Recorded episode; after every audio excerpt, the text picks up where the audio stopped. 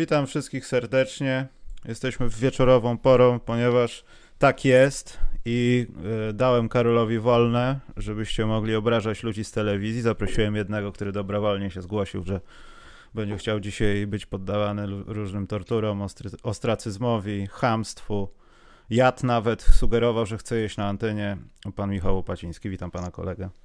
Dzień dobry, a ty mi nie powiedziałeś smacznego, nawet i na antenie nie będę jadł, bo nie jestem jeszcze, ja jestem tylko, wiesz, tym dziadem z telewizji, co się nie zna, a nie tym hamem z telewizji, który je y, podczas łączenia, tak? E, dlatego nie, nie życzyłem ci smacznego, ponieważ no nie szanuję cię, jesteś z telewizji. A, zapomniałem, no tak, tak. Muszę, Witam muszę... wszystkich. Pozdrawiam tych, którzy nie szanują. e, z jakiego meczu zeszłeś teraz? Jaki... To, to był prawie mecz. Tak? Przepraszam, nie, ja przepraszam wszystkich y, kibiców polskiej koszykówki i startu Lublin, y, ale to nie moja wina, że tak się skończył ten mecz, naprawdę. Ja nawet nie znam wyniku, ale sądząc po tym, co mówisz, to, to dużo. Nie chcesz go znać. Jak dużo? No 20, tam bodajże dwa punkty, bo to jest takie, zjawi- takie czasami chcesz niektóre rzeczy i to teraz mówię całkiem serio, już bez, bez pocisków, że y, są takie mecze, o których chcesz zapomnieć nie dlatego, że wiesz, że byłeś nie w nie najwyższej czy nie najlepszej dyspozycji swojej, tylko dlatego, że chciałeś bardziej chyba niż oni mogli i to są czasami takie mecze, mówię, no szkoda mi bardzo chłopaków ze startu Lublin, więc to nie mówię tego dlatego, że żeby się tu pastwić teraz i udawać najmądrzejszego na świecie, bo mogli inaczej, bo to, bo tamto. Nie, no zagrali tak jak mogli, tylko po prostu ten wynik boli, no bo jednak mm, przyznam się szczerze, że mieliśmy z Wojtkiem nadzieję, że, że jednak będzie ta wygrana z Falco Sombatej, no a okazało się, że nie dość, że nie było wygranej, to jeszcze zamknięci zostali w 60 punktach, dokładnie mieli ich 59, więc trochę szkoda, no po prostu, może tak mówię z dystansem, bo najlepiej chyba podchodzić do takich wyników z dystansem, zwłaszcza, że mówimy o, o polskim zespole, a trudno być też obiektywnym i nienacechowanym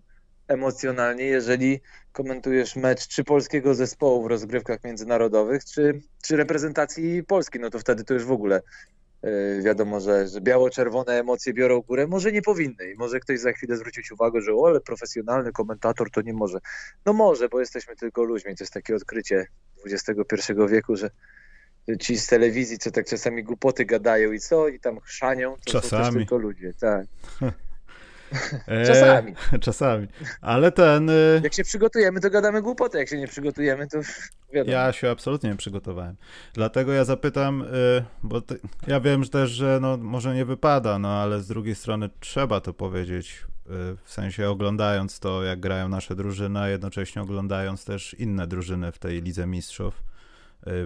Odstajemy strasznie bardzo czy tam po prostu są drużyny, które jakimś trafem są tam, a nie są w Eurolidze i są aż tak dobre, że nie dajemy rady? To jest odwieczne pytanie, wiem, ale potrzebuję retorycznego ustalenia, czy tak jest w tym nie, roku, no to... żeby dać spokój i przejść do NBA. Ja ci, ja ci ustalę to retorycznie, to jest, wiesz, to jest jakby, jeżeli rozmawiamy teraz na serio przez chwilę, tak serio, serio. No na serio, to nie jest przez ja myślę, piłki Wilsona, na serio. Ja myślę, że tu jest diagnoza dużo, dużo głębsza, że tu jest taki fatal error y, systemu w ogóle polskiego, sorry. Nie jestem przeciwnikiem polskiej koszykówki, bo, bo nie, no przecież tyle lat, od wieków niemalże ona trwa, więc nie widzę powodu, żeby być jej przeciwnikiem, a wręcz przeciwnie, ja to mówię dlatego, że dobrze życzę polskiemu basketowi, no ale tutaj y, dobra diagnoza jest taka, że na przestrzeni, czekaj, y, BCL, czyli Liga Mistrzów, czyli powiedzmy ten pułap dla nas odpowiedni, no bo jednak nie oszukujmy się, że Euroliga to są trochę za wysokie progi jednak, mówiąc bardzo delikatnie.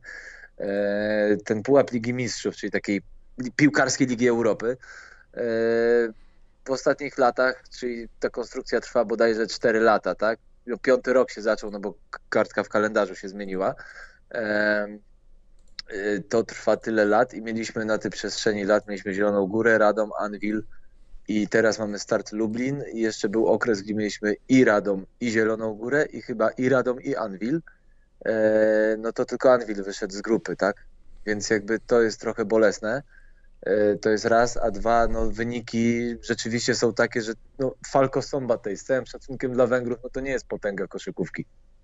A oni jeszcze mają szansę, e, jeżeli wygrają sześcioma punktami w kolejnym meczu z Niżnym Nowogrodem, to mogą Niżny Nowogród E, usunąć. Niżny to jest akurat drużyna, która no powiedzmy za, za słaba na Euroligę, ale mocny konkurent tutaj w, w Lidze Mistrzów. No zresztą oni chyba w tym Final Four byli w zeszłym roku.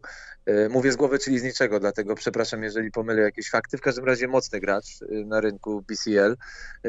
Casa de Montsaragossa. No, znajdziesz tu marki wśród 32 drużyn, które z powodzeniem mogłyby konkurować w Eurolidze w fazie grupowej. Na pewno, tak? Gdyby takowa była, no bo wiadomo, że teraz nie ma już tej fazy grupowej, ale gdybyśmy podpięli pod to starą strukturę euroligową, są tutaj drużyny, które są dobre, są mecze, które są naprawdę ciekawe, więc to nie jest tak, że to jest taki ubogi, krewny Euroligi. Nie, to jest Liga Mistrzów i jakby wiadomo, że ona będzie odpowiednikiem piłkarskiej Ligi Europy, ale w piłkarskiej Lidze Europy też są fajne mecze. I też są fajne drużyny i też są drużyny, które spadają z Ligi Mistrzów w piłce nożnej, więc generalnie tutaj można troszeczkę to jakby taką kalkę przyłożyć w bardzo dużym uproszczeniu, oczywiście bardzo dużą kalkę, ale mniej więcej tak ta struktura działa i po prostu smutna diagnoza jest taka, że to jest fatal error polskiego systemu. Ja powiem szczerze, łatwo jest mi teraz pan z telewizji się wymądrza, tak? Pan z telewizji. Teraz powinien polecieć ten utwór afrykańskiego pogrzebu, wiesz.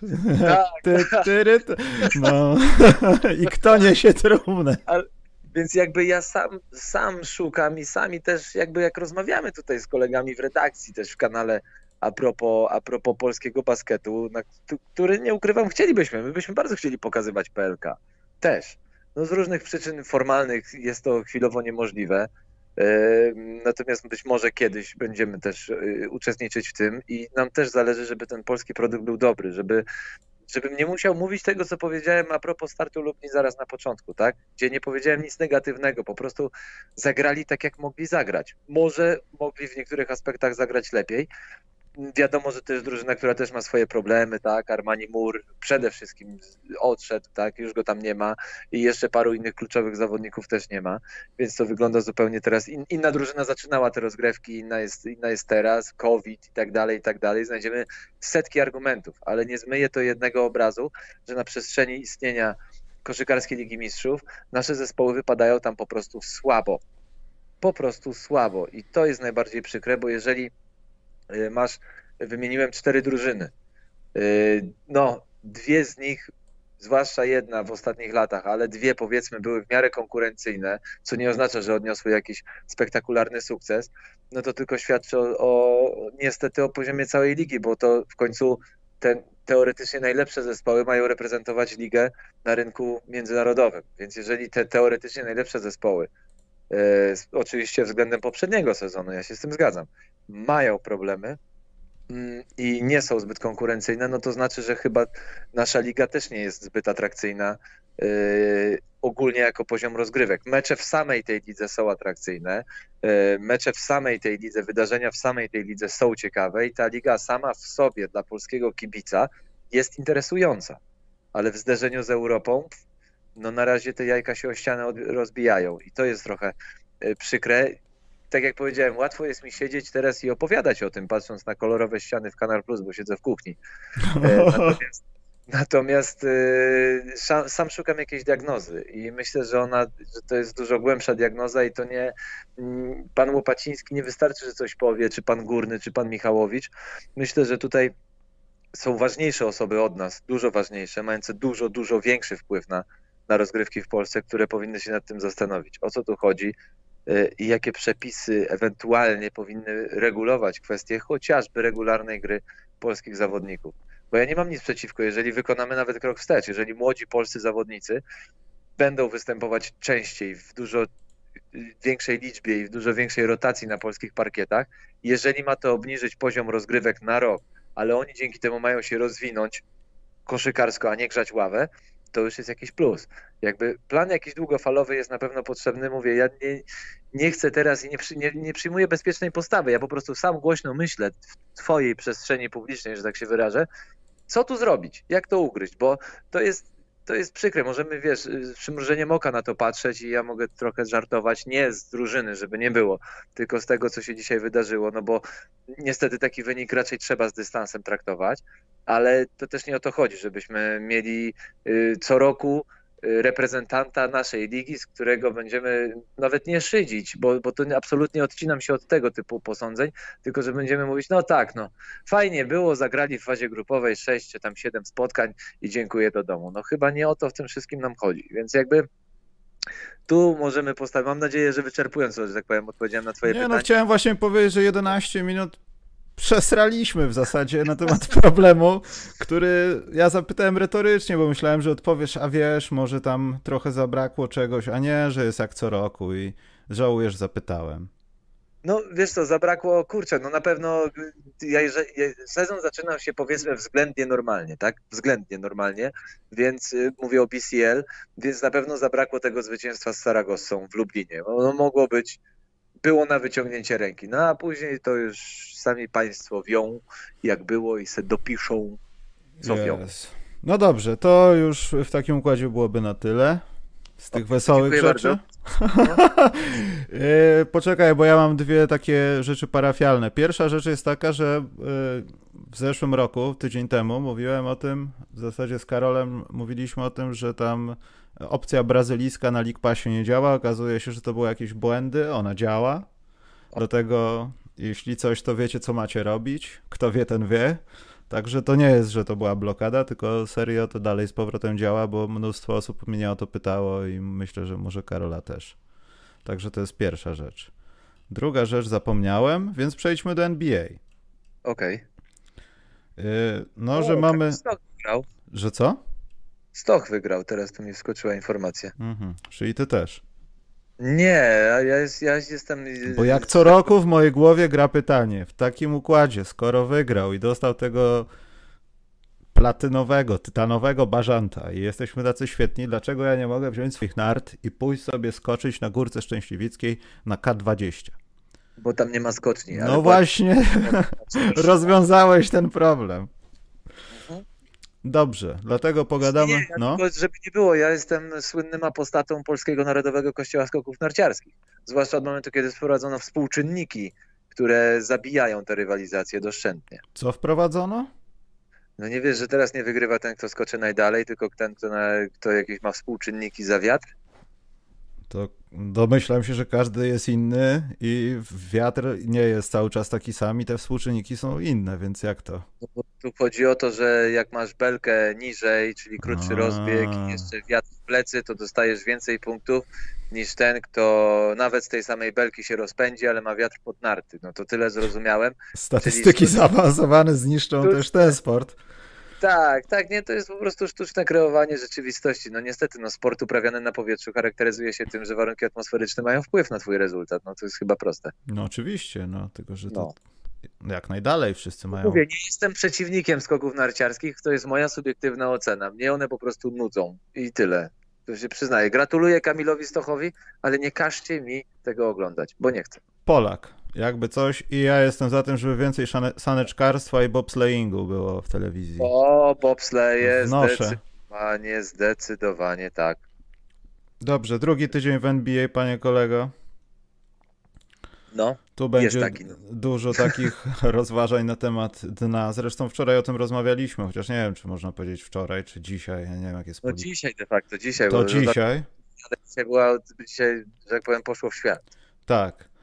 E, I tam też doszliśmy do porozumienia jakiegoś, że w niektórych miejscach NBA na razie jest y, muł, ale też nie ma takiego dna w zasadzie, ale o tym pogadamy potem, bo chyba zachód zostawimy na koniec. Mhm. E, ja poczekaj, wynotowałem sobie, znaczy wynotowałem, zaznaczyłem sobie cały zeszły tydzień, jeśli chodzi o bilans chcesz zespołu. No. Chcesz mało patriotycznie powiedzieć, że wschód jest ci bliższy?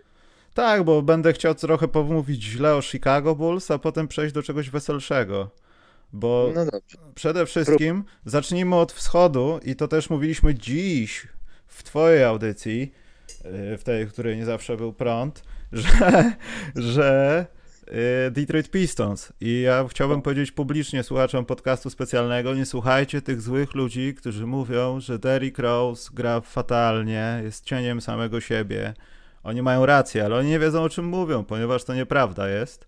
I że Detroit Pistons to, tak jak wiele drużyn, które są teraz na wschodzie, są fun to watch, ale idą donikąd. I wiesz co? I jak ktoś będzie chciał odsłuchać, zapraszamy. Ja tam będę linkował do tego gdzieś tam w komentarzu czy coś. Ale ja bym do tej grupy dołożył ze smutkiem Toronto Raptors. Trochę szkoda, że bez Karola na pewno by ich bronił, ale Toronto Raptors, oni już nawet nie wyglądają tak bardzo fun to watch. Oni po prostu wyglądają jakby, nie chcę mówić, ktoś by im zabrał talent. Mhm. Albo, że nie przypominają tej drużyny, gdzie był Kałaj, no bo to jest truizm, ale Coś, coś nie tak jest. Mm, wiesz co? No ja, ja nie, nie, nie, chcę twierdzić, że wiesz, że Fred Van Vliet nagle po tym, jak mu zapłacano pieniążki, on nagle, jak w japońskich kreskówkach, dostał podejrzanej białej fryzury, oczy mu się białe całe zaświeciły, płyną fale energii i będzie przekoszykarzem. Wiadomo, że to niby nie nastąpiło, ale Toronto walczy, ale to jest taka, no ciężko, nie tyle co się to ogląda, tylko na to się patrzy, bo ta drużyna może i ma potencjał, ale jakby, no nie wiem, on gdzieś jest zatracony. To, znaczy, to nawet nie, co, ja... niewykorzystany, jest stracony Słuchaj, nie często. Wchodzę, nie wchodzę w buty Karola, y, chociażby dlatego, że mam pewnie większą stopę od niego, więc się nie zmieszczę w te buty. Y, znaczy, on, no wiadomo o co chodzi. Ja nie wiem, tak co poważnie... wy, czy się wymieniacie tymi butami, ja nie wiem. No, wiesz, no, Kicksmania, wiesz. Nie sprawy. wnikam, nie wnikam, co robicie poza anteną. Słuchaj, buty to ty mi ciągle, znaczy nie ciągle, tylko był taki okres, mi wysyłałeś i opowiadałeś ciągle o modelach butów, a mnie to tak samo obchodziło jak skoki narciarskie. No fajnie, że są, ale ja nie jestem modnisiem. Ale tak poważnie. E... nie, tak serio, serio.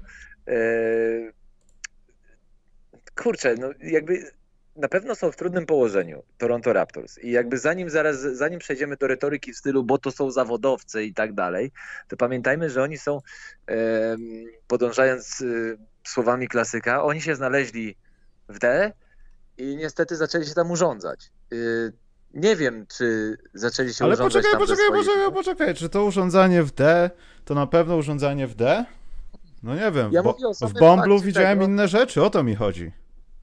Wiesz co, w Bomblu widziałeś inne rzeczy, bo w Bomblu w ogóle wszystko, zgodzisz się, że wszystko było powywracane do góry nogami. Ergo Milwaukee Bucks z drużyny, która miała rozmieść yy, i roznieść tę ligę w pył, stali się drużyną na półfinał konferencji. Także jakby pamiętajmy też i o tym, to jest tylko przykład, nie rozwijajmy już wątku Milwaukee Bucks, tylko podaję tego typu przykład, że na jednych to zadziałało tak, na drugich inaczej. Więc jakby Bombel Bombla traktujmy jako wydarzenie bezprecedensowe i oby nigdy więcej już do takiego nie dochodziło.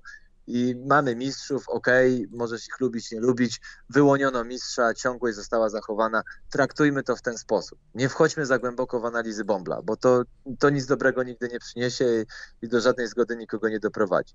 Ale wracając do, do tematu, e, to przede wszystkim, wiesz, Bombel był sytuacją wyjątkową, jakaś adrenalina, jakieś coś. Ta drużyna, która była w tej tampie, bo Kanadę zamknęli, więc musieli być w tej tampie wcześniej, potem się przenieśli do Orlando.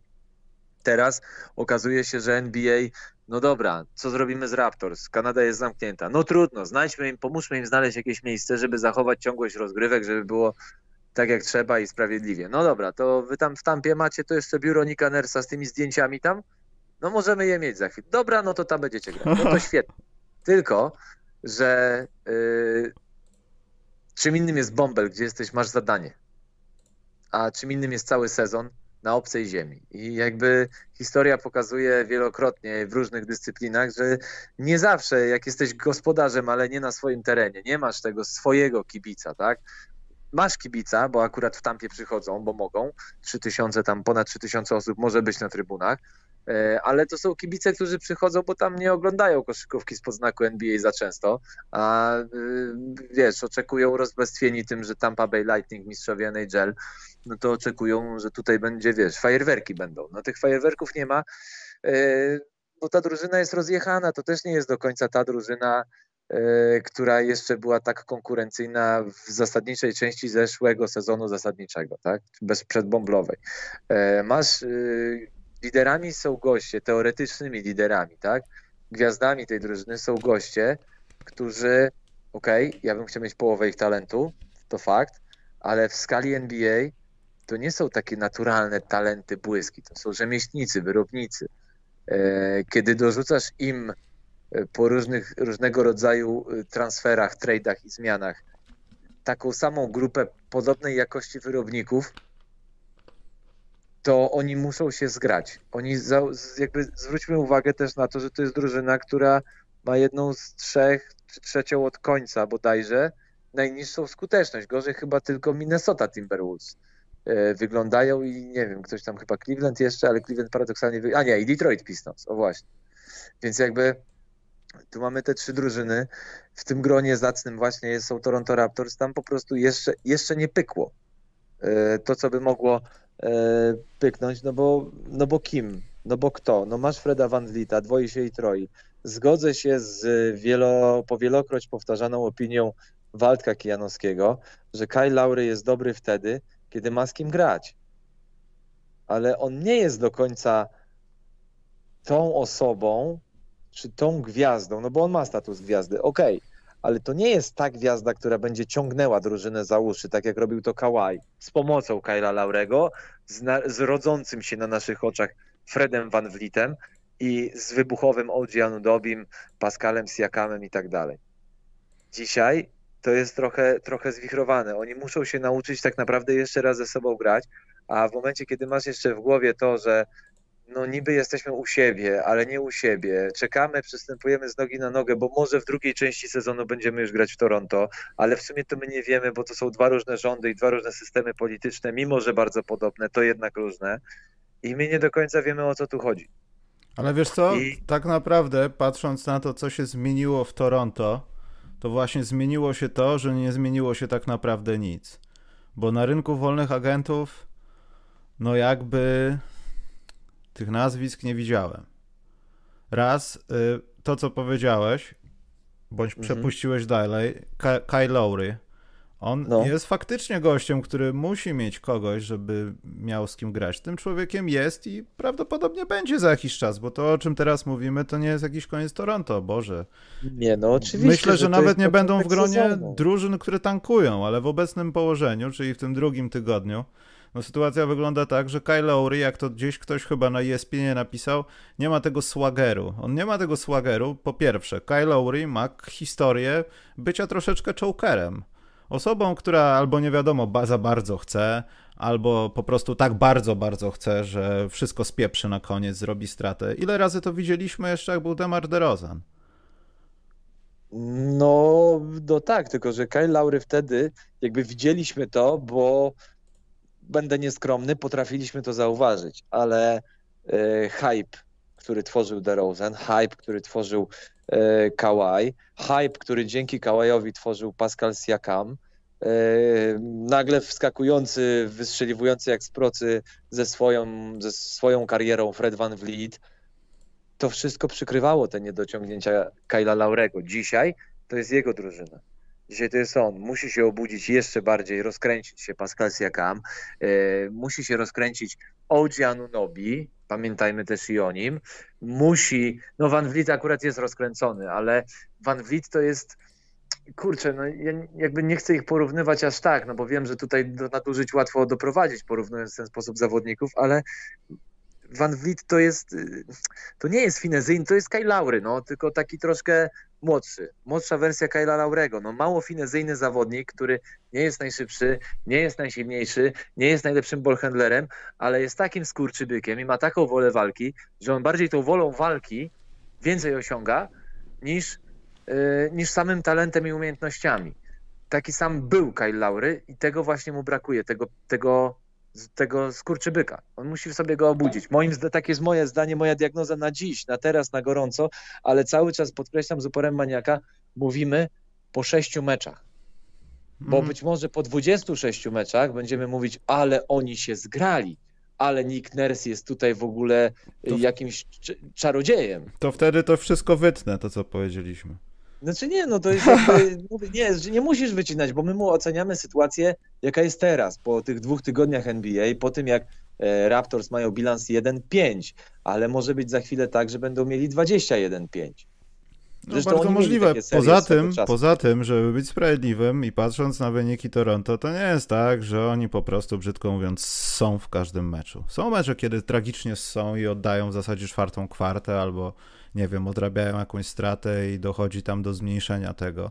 Ale mecz z San Antonio, bliski mecz. Mecz z Pelikanami, dosyć bliski mecz. Mecz, mecz Celtics można powiedzieć też bliski.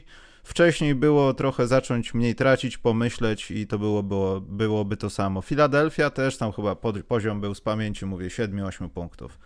Więc to nie jest tak, że Toronto Raptors przegrywa mecz. Oni, oni przegrywają mecze, to prawda, ale to nie jest tak, że oni przegrali już wychodząc na parkiet, jak nie wiem, bardzo często Detroit Pistons. No więc o to chodzi. Albo no, Chicago ale, Bulls. Ale widzisz, ale Detroit będę, będę troszkę bronił, bo oni też nie przegrywali tych meczów jakoś, okej, okay, tam były dwucyfrowe porażki, a tu nie były porażki 20, tam chyba jedna była około 20 punktów, ale reszta to było, to było podobne, to była podobna sytuacja, więc byłbym ostrożny w aż takiej ocenie, ale na przykład no, trzon drużyny punktuje, tak jak powinien, tak? Tutaj zobacz, gdzie jest problem, jest gdzie indziej. Nawet jak popatrzymy, zrobimy najprostszą, ale jednocześnie dla dziennikarza zajmującego się koszykówką najgłupszą rzecz na świecie, czyli otworzymy statystyki po prostu, zwykłe, ofensywne, te najprostsze statystyki.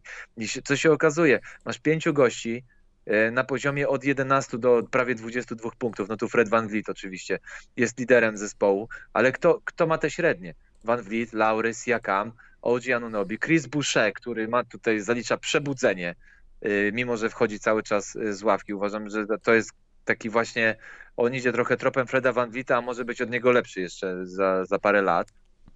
Ale potem... To taki projekt Siakam 2.0 trochę, nie? No taki troszkę coś w tym stylu, coś w tym stylu. Y, ale masz jeszcze, idziemy dalej i zobacz, no jest Norman Powell, ok, Norman Powell troszkę poniżej tego, co mógłby, ale potem Matt Thomas, Aaron Baines, no Terence Davis tam już był, tak? Alex Len, Utah Watanabe, to są goście, którzy muszą się zgrać. Poza tym nie wszyscy rozegrali wszystkie mecze z różnych przyczyn. Więc jakby czasami decyzją trenera, czasami nie, więc jakby sytuacja w Toronto jest taka, Trzon gra dobrze. Ta pierwsza piątka, szóstka zawodników to są Toronto Raptors, to są ci, ci Toronto Raptors, którzy sięgali po tytuł. Dopiero później zaczyna się kłopot i tu należy, należałoby moim zdaniem upatrywać potencjału na przyszłość, to nie jest problem teraz. Jeżeli ten problem, znaczy to zaczyna być powoli problem, ale zobaczymy, poczekajmy jeszcze, który mamy dzisiaj, 6 stycznia. To poczekajmy może do lutego i wtedy zobaczymy. I wtedy będziemy mogli mówić, że Toronto grają słabo. Oni na razie rzucają jak głupi, tylko nie mają skuteczności. Bo cały, tu jest też cała zabawa, że oni oddają tych rzutów ponad 90, prawie 90, tak? A trafiają ile? 37 na mecz. Mhm. No to 90 akcji w meczu, no to ja myślę, że to Warriors za najlepszych czasów przeprowadzali, tak? No oni nawet wtedy ponad 100 potrafili, tylko na jakiej skuteczności. I tu jest cała zabawa, że problemem Raptors jest zgranie tego, tego, jak to ładnie, ja lubię te określenia amerykańskie, teraz poszpanuję, tego second unit. A, wy ludzie z telewizji to znacie te określenia. No tak, tak, no właśnie, wiesz, no, nawet nie musimy czytać, bo po prostu nam podrzucają, to piszą na kartkach, wiesz, mamy 16 mhm. monitorów i wiesz, i w ogóle. Ale, ale to jest jakby, to jest jedna rzecz i to ma wpływ na to, że te porażki, no dobra, z Celtics ok, tam była, y, ile tam, 12, 10, 12 punktów, tak, ale te pozostałe, właśnie tu gubią, tu, tu są gubione te punkty, ten second unit. Yy, tak samo Detroit Pistons, no tu jest analogia ta sama, tak? Więc jakby ja bym jeszcze poczekał z oceną Toronto Raptors, bo tak samo można było się podpalać, że o Boże, Warriors, a, ale oni grają tragicznie, tragicznie. A się okazuje, że w tej chwili, przepraszam, że tak na zachód, bo wiem, że mieliśmy później. No właśnie, gdzie jest tym zachodem? Ale, ale to jest mniej więcej jakby nie, nie, nie patrzmy, jakby zachęcam do tego, żeby nie patrzeć jeszcze aż tak emocjonalnie, negatywnie emocjonalnie na to, co się dzieje, bo ten, to jest wywrócony sezon, e, ten początek sezonu, bo cały sezon myślę ostatecznie się ustabilizuje i, i wszystko w cudzysłowie wróci do normy, tak? Poznamy tych, którzy są mocni, poznamy tych, którzy są realnie słabi e, czy słabsi. Natomiast y, jakby w tej chwili bym powstrzymał emocje, bo pamiętajmy, że akurat Raptors należał do tego grona drużyn, które miało mało czasu tego off-season, e, czyli tam około 70 dni mniej więcej, może troszkę więcej, no bo wiadomo, że wcześniej odpadli, ale, ale też zawodnicy musieli i odpocząć i też trenowali sami, bo wiedzieli, że za nimi jeden dziwny sezon, a przed nimi kolejny może mniej dziwny, ale też wymagający i tak dalej, i tak dalej, więc jakby ja bym traktował pierwszy tydzień zwłaszcza, ale ten drugi tydzień jako takie jeszcze siła rozpędu po pierwszym tygodniu takiego trochę e, późnego pre-season. E, I, I stąd, no, a jak pytasz o diagnozę, dlaczego akurat Raptors mają bilans 1-5, no to właśnie wydaje mi się, że w sposób e, bardzo nieudolny ją przedstawiłem. Przesraliśmy znowu 10 minut na temat Raptors. Przepraszam. Przepraszam, dziękuję bardzo, pozdrawiam. no, dobrze, to idąc dalej. E, kompletnie mnie to boli głowa, bo nie mogę patrzeć w tabelę czasami, ale na przykład, no już to, co powiedziałeś, no to już dochodzi do korekty na giełdzie, bo Orlando Magic już tak jak gdyby aż tak czerwoni nie są, już trochę wystygli. Mieli być mistrzami, nie? Będą cały czas, będą cały czas, A. tylko wygrali jeden, przegrali dwa, dajmy im spokój. Nie, no oczywiście. Natomiast Nowy Jork, ja nie wiem, czy Julek Randall coś bierze, ale jeśli tak, to, tak i tego nie wykrywają, to niech bierze cały sezon. Nowy Jork przestaje być żartem. Ja nie wiem trochę, czy to, czy to jest robota nowego trenera, nowego starego trenera, który jest psychopatą, czy to jest wina tego, że no tacy ludzie jak RJ Barrett nauczyli się, albo się może trochę nie... Dobra, tfu, nie nauczyli się, ale próbują robić rzeczy, które nie do końca im wychodzą, w sensie rzucanie. To jest dosyć trudne. Y, Mitchell Robinson, jeśli ktoś gra w ligi fantasy i tak dalej, to patrząc na te statystyki, a, to nie jest takie dobre, a potem jak się liczy jakieś per 48, co to jest za koleś chory psychicznie, co on robi w tej NBA. Super, wiesz. I ta drużyna wydaje mi się, że może trafiła w ten swój odpowiedni czas, tylko jak to bywa w Nowym Jorku, coś łatwo, zaraz ktoś coś zniszczy. Zepsuje się coś. Wiesz co, tu się może zepsuć tylko wtedy, kiedy E, zaczną się e, dożynki fizyczne. Przepraszam za to określenie, ale dopóki, dopóki Tom Thibodeau ich nie dorżnie fizycznie, to będzie wszystko ok. To będzie jedno z największych zaskoczeń pozytywnych e, tego sezonu. Ja nie mówię, że oni będą od razu w finałach grali konferencji. Ja nie mówię, że oni będą w półfinałach konferencji, ale dopiero do playoffów powinni dojechać, jeżeli Tom Thibodeau nie zarżnie ich fizycznie. Jeżeli Tom Thibodeau doszedł do tego punktu, w którym zrobił zwrot o co najmniej 90 stopni względem swoich wymagań wobec zawodników. I wtedy będzie ok. Natomiast dużym plusem Toma Thibodeau w New York Knicks jest to, że potrafi towarzystwo trzymać za uzdę, że tak się wyrażę. Przepraszam za to określenie wszystkich, którzy poczuli się teraz urażeni, ale słynący właśnie z silnej ręki, z bezkompromisowego podejścia e, Tom Thibodeau ja myślę, że on ma jakieś bałkańskie korzenie, tak czasami mi się wydaje, że no to byli trenerzy z Bałkanów w Europie, oni tacy no, twarda, krótko trzymali zawodników, twarda ręka, tak, nie jednego doprowadzili niechcący do zakończenia kariery z powodów psychologicznych nie. i tak dalej. Nie, to się śmieje. Ale to się zmieniło, bo Tips zwykle nie dopuszczał pierwszoroczniaków do gry, a teraz się pozmieniały te rzeczy, także ja myślę, że no to jest... Nowe masz narodzenie. pierwszą oznakę. No i masz pierwszą oznakę nowego narodzenia. Jeżeli Tom Thibodeau, moim zdaniem, najlepszy trener w obecnych czasach w NBA, jeśli chodzi o defensywę. I absolutnie, jeżeli byłbym trenerem NBA, chciałbym mieć w swoim sztabie Toma Thibodeau po to, żeby ustawiał mi wszystko w obronie. To mówię wprost, bo drużyny Toma Thibodeau słynęły z defensywy. Może w ataku im nie szło, ale defensywę w zawsze ataku im nie szło, weź.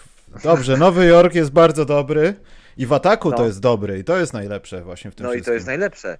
I to jest najlepsze, więc być może jesteśmy świadkami narodzin Tipsa, tak? Natomiast yy, mówię, dajmy tutaj szansę samemu Tipsowi.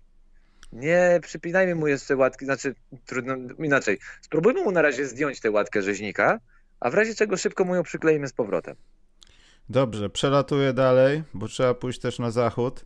Filadelfia, też o tym rozmawialiśmy dziś, ale Filadelfia, ja cieszę się, że Embiid jest zdrowy i przestał zajmować się pierdołami i podoba mi się to, że Filadelfia, kiedyś, oni kiedyś, no mieli głównie taki moment, że ta nasza pierwsza piątka to wychodzimy all in i na ławce może być różnie, ale pierwsza piątka musi po prostu zaorać przeciwnikiem i tam ta nasza druga piątka będzie trochę gorsza, ale z ławki, ale coś będziemy kombinować. Albo po prostu nie będziemy mieli zbyt szerokiej ławki, posiłkować się trzeba będzie jakimiś rotacyjnymi zmianami ludźmi z pierwszej piątki, którzy są mniej wykorzystywani w pierwszej piątce. I Filadelfia nagle robi to samo. Embiid jest dobry, jest bardzo dobry.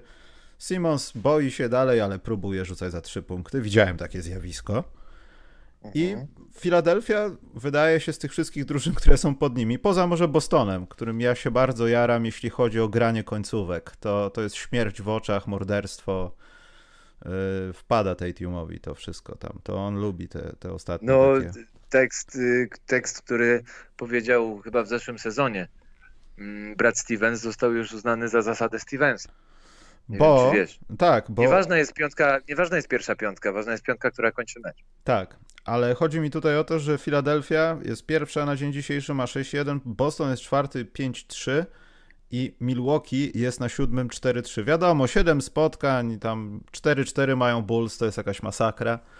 Y, że tak naprawdę większość tych drużyn, jeśli nie wszystkie, no może Indiana jeszcze wkroczy do tego grona, zostanie wykoszona przez sezon regularny, bo ja się bardzo podniecam Cleveland i może Sexland nie do końca będzie teraz działać, bo Garland y, kontuzjowany, biedny, ale, ale Cleveland odpadnie pewnie z tej grupy. Atlanta może się będzie kołysała 8-9 miejsce i i to mi się podoba, że Filadelfia już od początku y, nie ma jakichś kłopotów, nie bawi się w jakieś testowania, po prostu cel jest jasny. Też jedziemy tą pierwszą piątką i mordujemy przeciwnika i robimy to z naszym najwyższym zawodnikiem, który w końcu może zacznie przypominać ten trust the process i to wszystko, co miało tam się dziać w tej Filadelfii.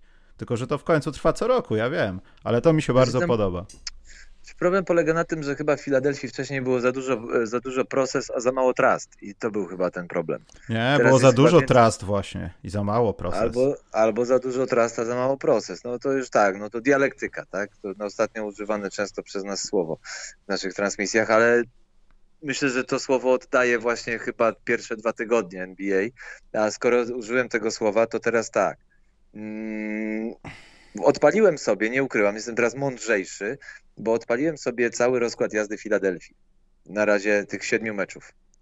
Ja czekam na spotkanie z Bostonem, czekam na spotkanie z Bucks, y, czekam na spotkanie z y, konferencją zachodnią i wtedy będziemy mądrzejsi, bo na razie to były mecze, które były absolutnie, totalnie poza tą wpadeczką z Cavs, to były mecze totalnie w zasięgu Filadelfii. To były mecze, to byli rywale, nawet zaryzykuję, potencjalnie słabsi od Sixers. No, nawet Więc... bym powiedział znacznie słabsi. No, ja wolę być ostrożny, wiesz, tabela, ktoś zaraz spojrzy w tabelę i powie, co on, co on pierdzieli. No, no pierdzieli, bo, bo takie są fakty, tak? Natomiast y, poczekajmy, zobaczymy, jak będą wyglądały y, spotkania dalsze w Filadelfii. Jeżeli y, będzie, że tak powiem, podobny bilans, powiedzmy, nie wiem, 10-2, 11-3, to wtedy ja się podpiszę pod wszystkim, co ty mówisz, czterema kończynami. Na razie czekam. Na razie czekam. Test jeszcze przyjdzie. To są na razie mecze, które jakby pokazują, że Filadelfia z tymi, z tymi, z którymi potrafiła mieć wtopy, na razie tych wtop nie ma.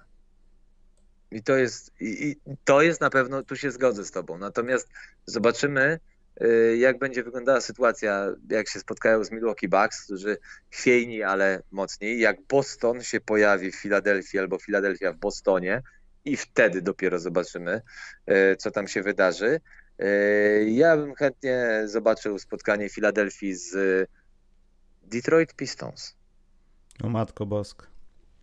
I wtedy zobaczymy, kto kondycyjnie jest lepszy, bo Detroit Pistons mają jedną, jeden plus. Oni dzięki temu, że mają de facto młody skład w większości, oni potrafią zabiegać, znaczy byliby w stanie zabiegać rywala. Gdyby po prostu trafiali rzuty, to jest to jedna z drużyn, która mm, potrafi grać szybki basket.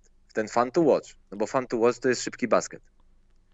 Szkoda, Więc że jakby... Kilian Hayes doznał kontuzji. I... No właśnie. No będzie, właśnie. Będzie, nie wiem, do mnie będą dzwonić, żeby kogoś wziąć tam, bo już G się ludzie kończą.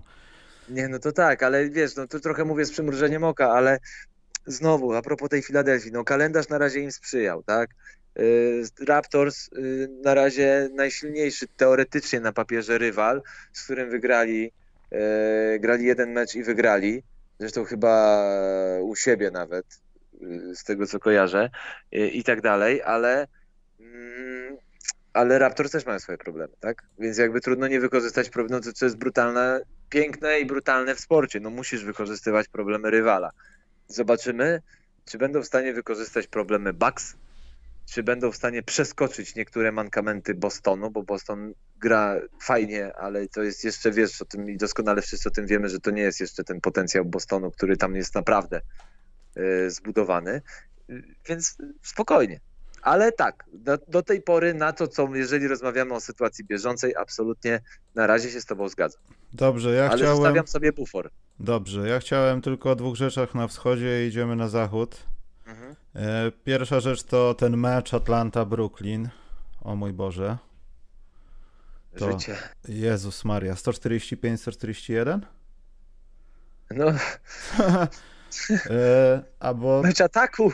Bo chciałem powiedzieć o Brooklynie, bo teraz ta sytuacja z COVID-em wyszła, znaczy z COVID-em, no z ograniczeniami. Kevin Durant nie zagra chyba w czterech spotkaniach, chyba liczyło się no, z tym kwarantannę chyba, tak? Tak, tak, tak, ale tą wyjściową, w sensie, że pewnie chory nie jest, ale złamał przepisy, czy tam coś się ma podejrzenie, no nie wiem, protokół NBA. E, mhm. Albo go aplikacja wykryła, e, jak był na treningach u Jamesa Hardena.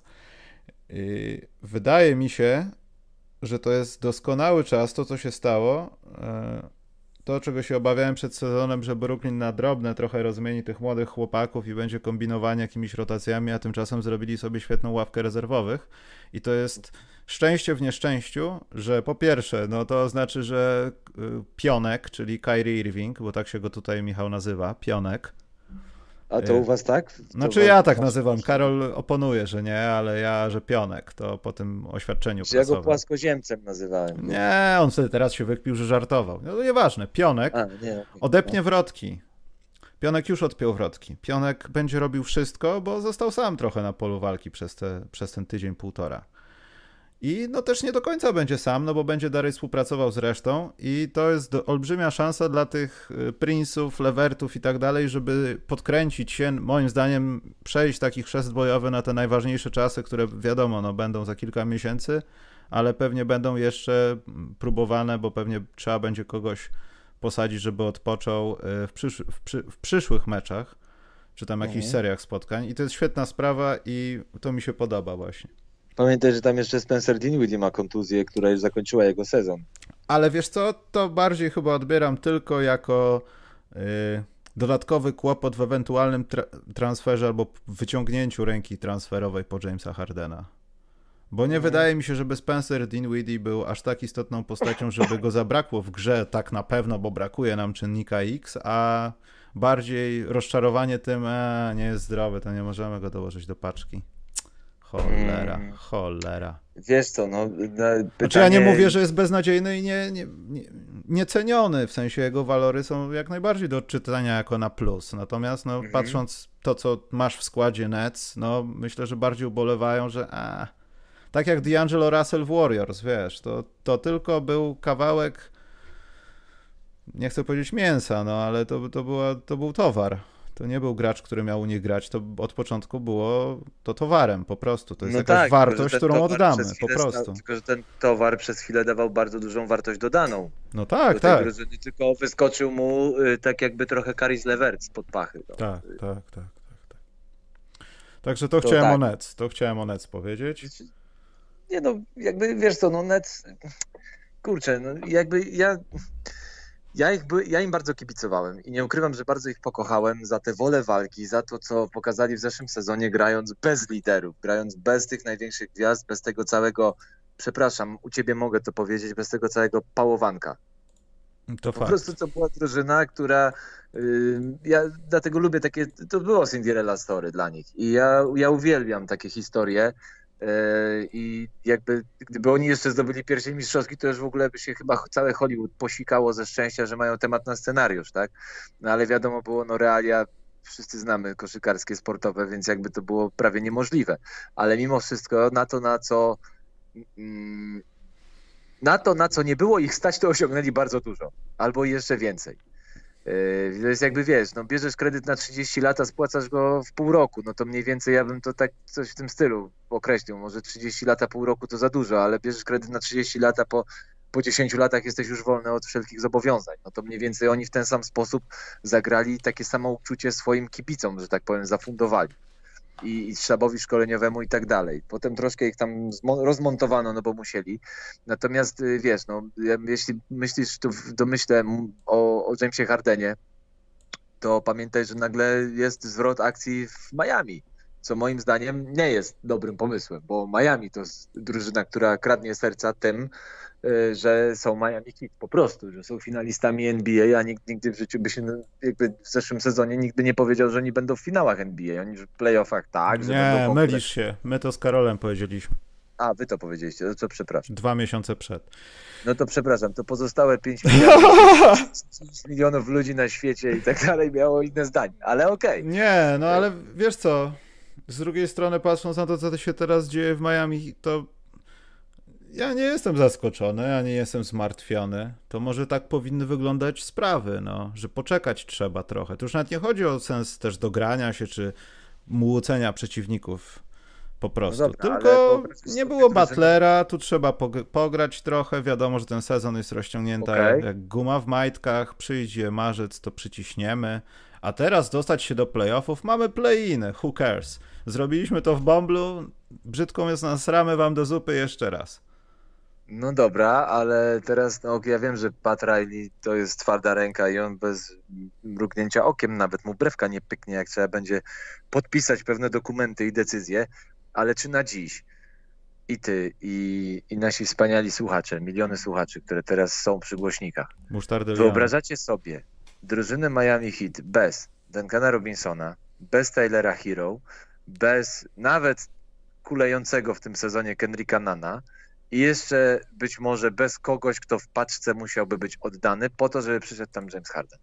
E, nie, dlatego chciałem też pochwalić Indianę Pacers, że świetnie bronią.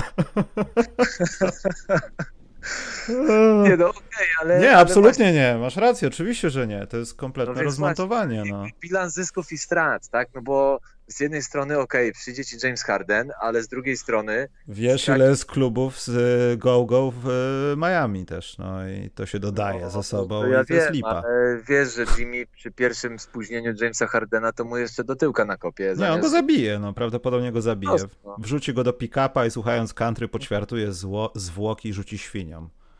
Tak. No. Więc jakby ja, ja wiem, że oczywiście to nie od nas zależy ta, to i ta, ta decyzja, ale wydaje mi się, że przyjście akurat do Miami Jamesa Hardena, gdzie ten zwrot realnie gdzieś nastąpił, bo ostatnie jakieś tam doniesienia y, są, że jakieś tam negocjacje takie niezobowiązujące. A propos kto za kogo, kogo my wam oddamy, bo jakby Pat Riley chciałby oddać tych, którzy tak naprawdę nic nie wnoszą w tej chwili do drużyny, co jest naturalne i tu bym się nawet zgadzał z taką decyzją, no ale jeżeli wiesz, ten deal ma, y, że tak powiem, obejmować również y, Duncana Robinsona i Taylora Hero, no to jak Raytan rzucam się pod halą Miami i mówię, nie, no, Pat, why, what the fuck. Mm. To nie byłoby rozsądne.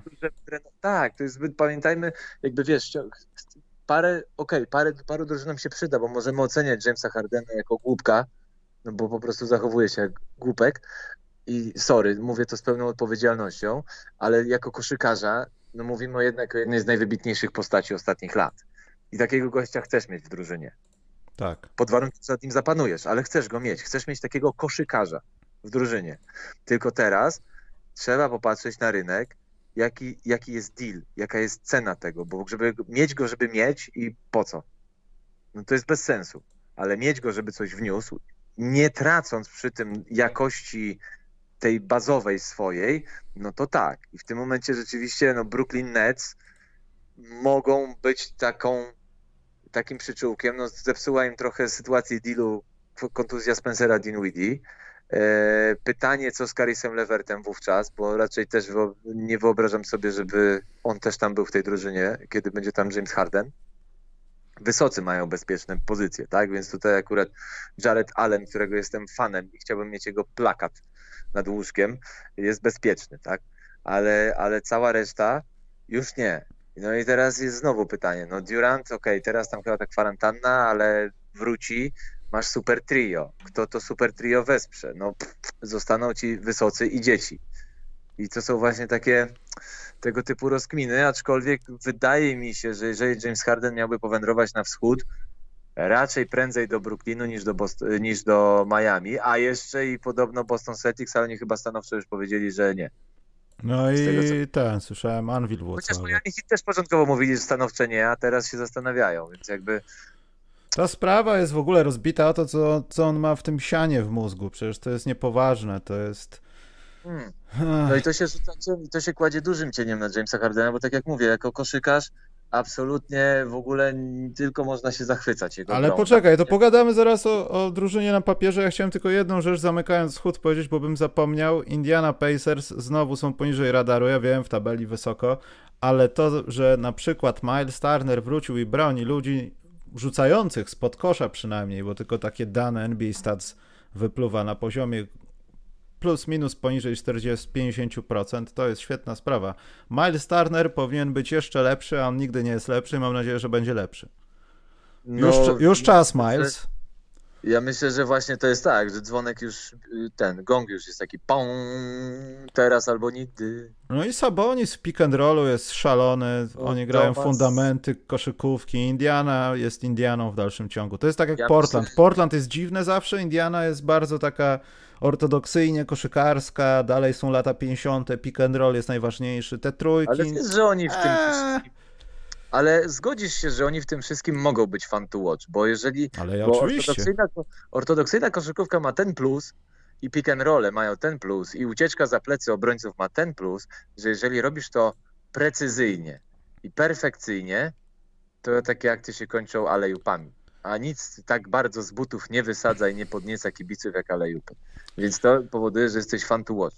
Ale jest jeszcze jedna rzecz, no bo wszyscy na wschodzie są tacy trochę niepełnosprawni. W każdej drużynie może poza dwiema, trzema znajdziesz coś, co jest trochę takie dysfunkcyjne albo zdziwiące bardzo. Indiana jest przedostatnia w zbiórkach. Także nie wszędzie no. te fundamenty kleją. Znaczy to wynika z tego, że tam nie ma ośmiometrowców, no.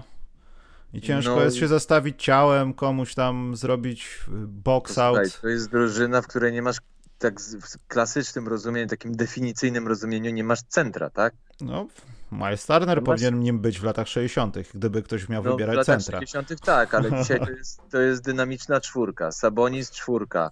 Yy, I dziękuję, skończyłem już wymieniać wysokich graczy y, z Indian. No, tylu, tylu znasz. No dobrze. To chodźmy no nie na... no, tylu znam, no bo tylu, tylu jest w tym składzie w tej chwili, więc... Dobrze. Chodźmy na zachód i powiedzmy ludziom, czy to prawda, że Lakersi są najlepsi w NBA? Yy... Bo słyszałem taką tezę i trochę, nie powiem, mam kłopot, żeby to zaakceptować znowuż. Bo... Znaczy, jeżeli mamy patrzeć po bilansach ostatnich, tych pierwszych dwóch tygodni, to najlepszą drużyną NBA są Philadelphia 76. Tak, no ale Lakersi też nie odpuszczają i ja nie wiem, czy oni właśnie nie są najlepsiejsi znowu. No, no, są w mocniejszej konferencji. Tam powiedziałeś na samym początku i akurat.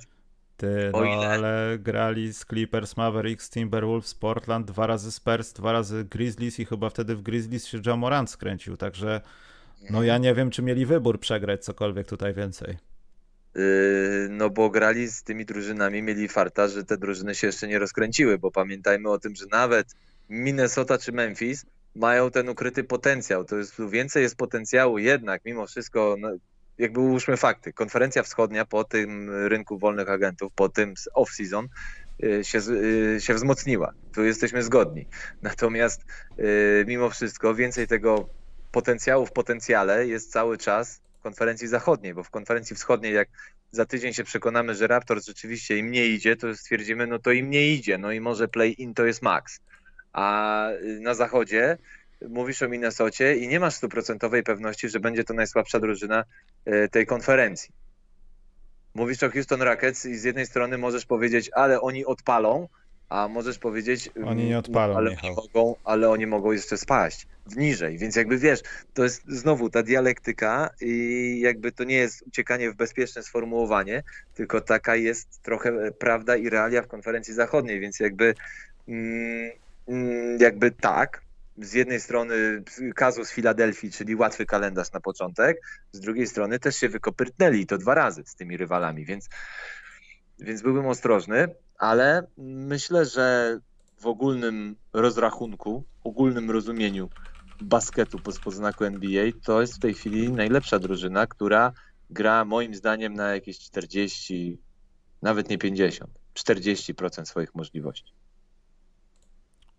Dobrze. Ja to może w takim układzie niech to polega na dawaniu jakichś plusików albo minusików. Ja przepraszam, że to powiedziałem w twoim towarzystwie i przy Że co? tobie, Że co? że, że oni są obecnie najlepszą drużyną NBA de No facto. trudno, no wiesz, no. Tak.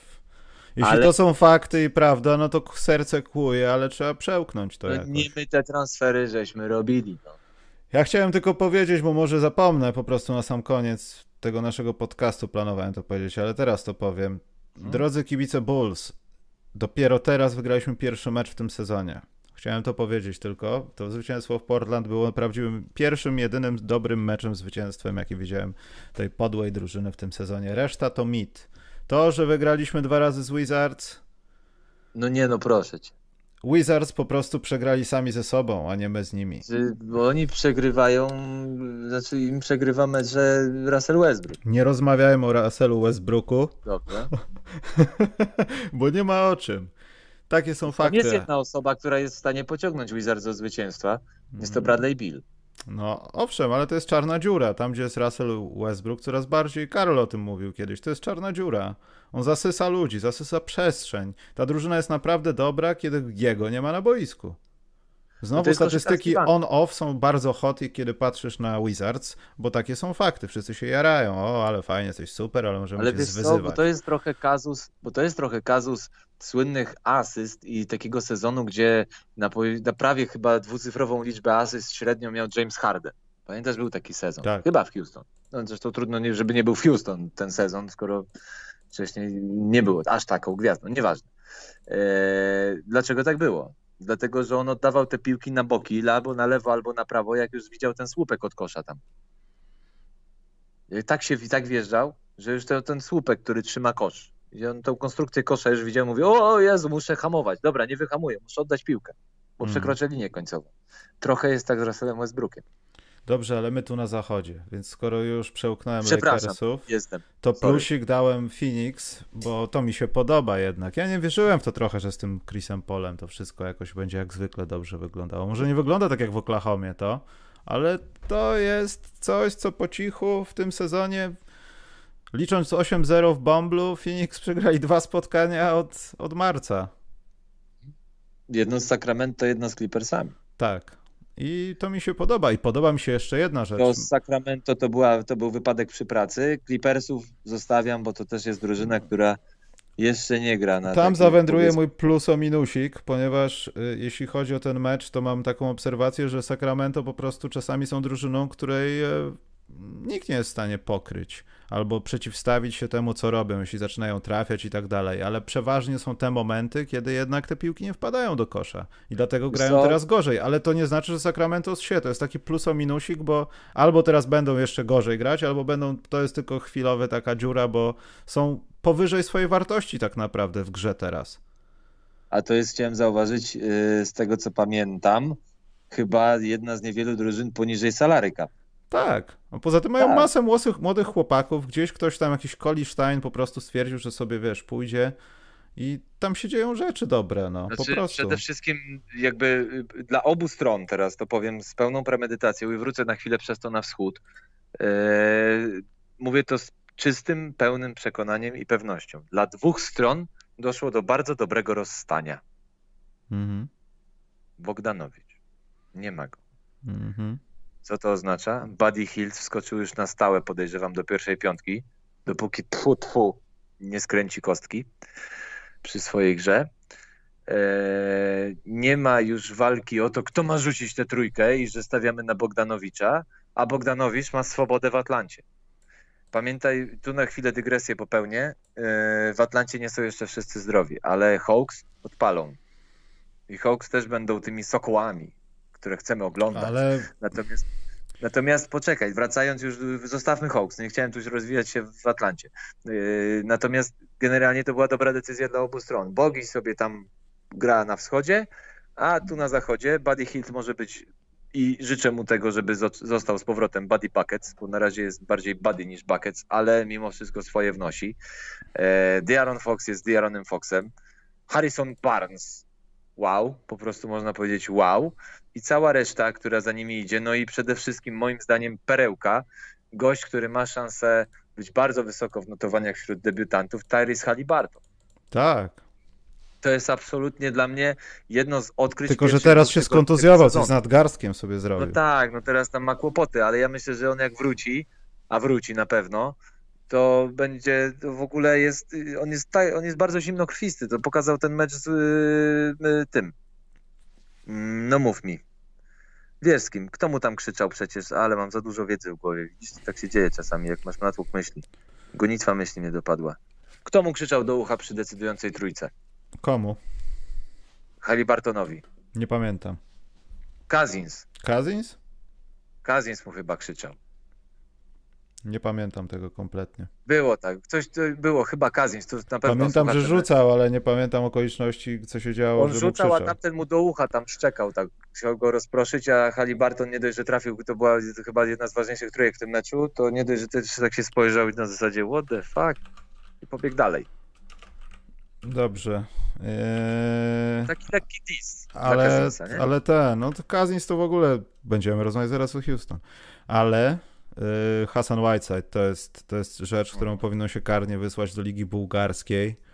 Y, no nie, no nie, strasznie ubolewam nad tym, bo Hasan Whiteside swojego czasu obiecywał bardzo dużo. Zwłaszcza jak był w Miami, dużo obiecywał. Znaczy on się skończył jak odszedł z Miami, no. Ale nie.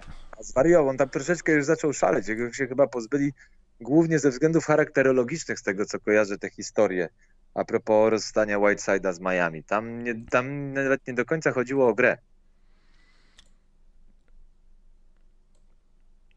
Czekaj, bo patrzę, patrzę sobie na czat. Dobra. Słuchaj, yy. Co? Nie, nie ma hejtu. Nie? Właśnie no, dziwne. Super, bardzo to dziwne, bardzo. dziwne, bo teraz ja się pomyliłem, bo mam tyle okien, bo chciałem powiedzieć właśnie, że Willie Collie Stein, Stein bądź Stein, nie wiem jak to się po polsku... Nie, może być Stein, a może jego matka na przykład albo babka była Niemką i co wtedy? Posłuchaj, zaraz dojdziemy do Silversteina i Sternsteina. Więc... a może? A może w tą stronę? Trzymajmy się Willie Colistein, dobra? Yy, nie, bo miałem wynotowany, że plusik, bo też mam go w, w lidze fantasy. Podoba mi się jego charakter. To coraz bardziej. Ja go kiedyś skreślałem, bardzo mocno go skreślałem. Stąd on cały czas jest w mojej głowie w Sacramento, nie wiem czemu. Ale yy, dla niego taki mały plusik. Dla Dallas nie mam tutaj plusika, poza tym, że Doncic chyba, nie wiem, potrzebuje więcej czasu, żeby się ogarnąć. To jest trochę taki minusik.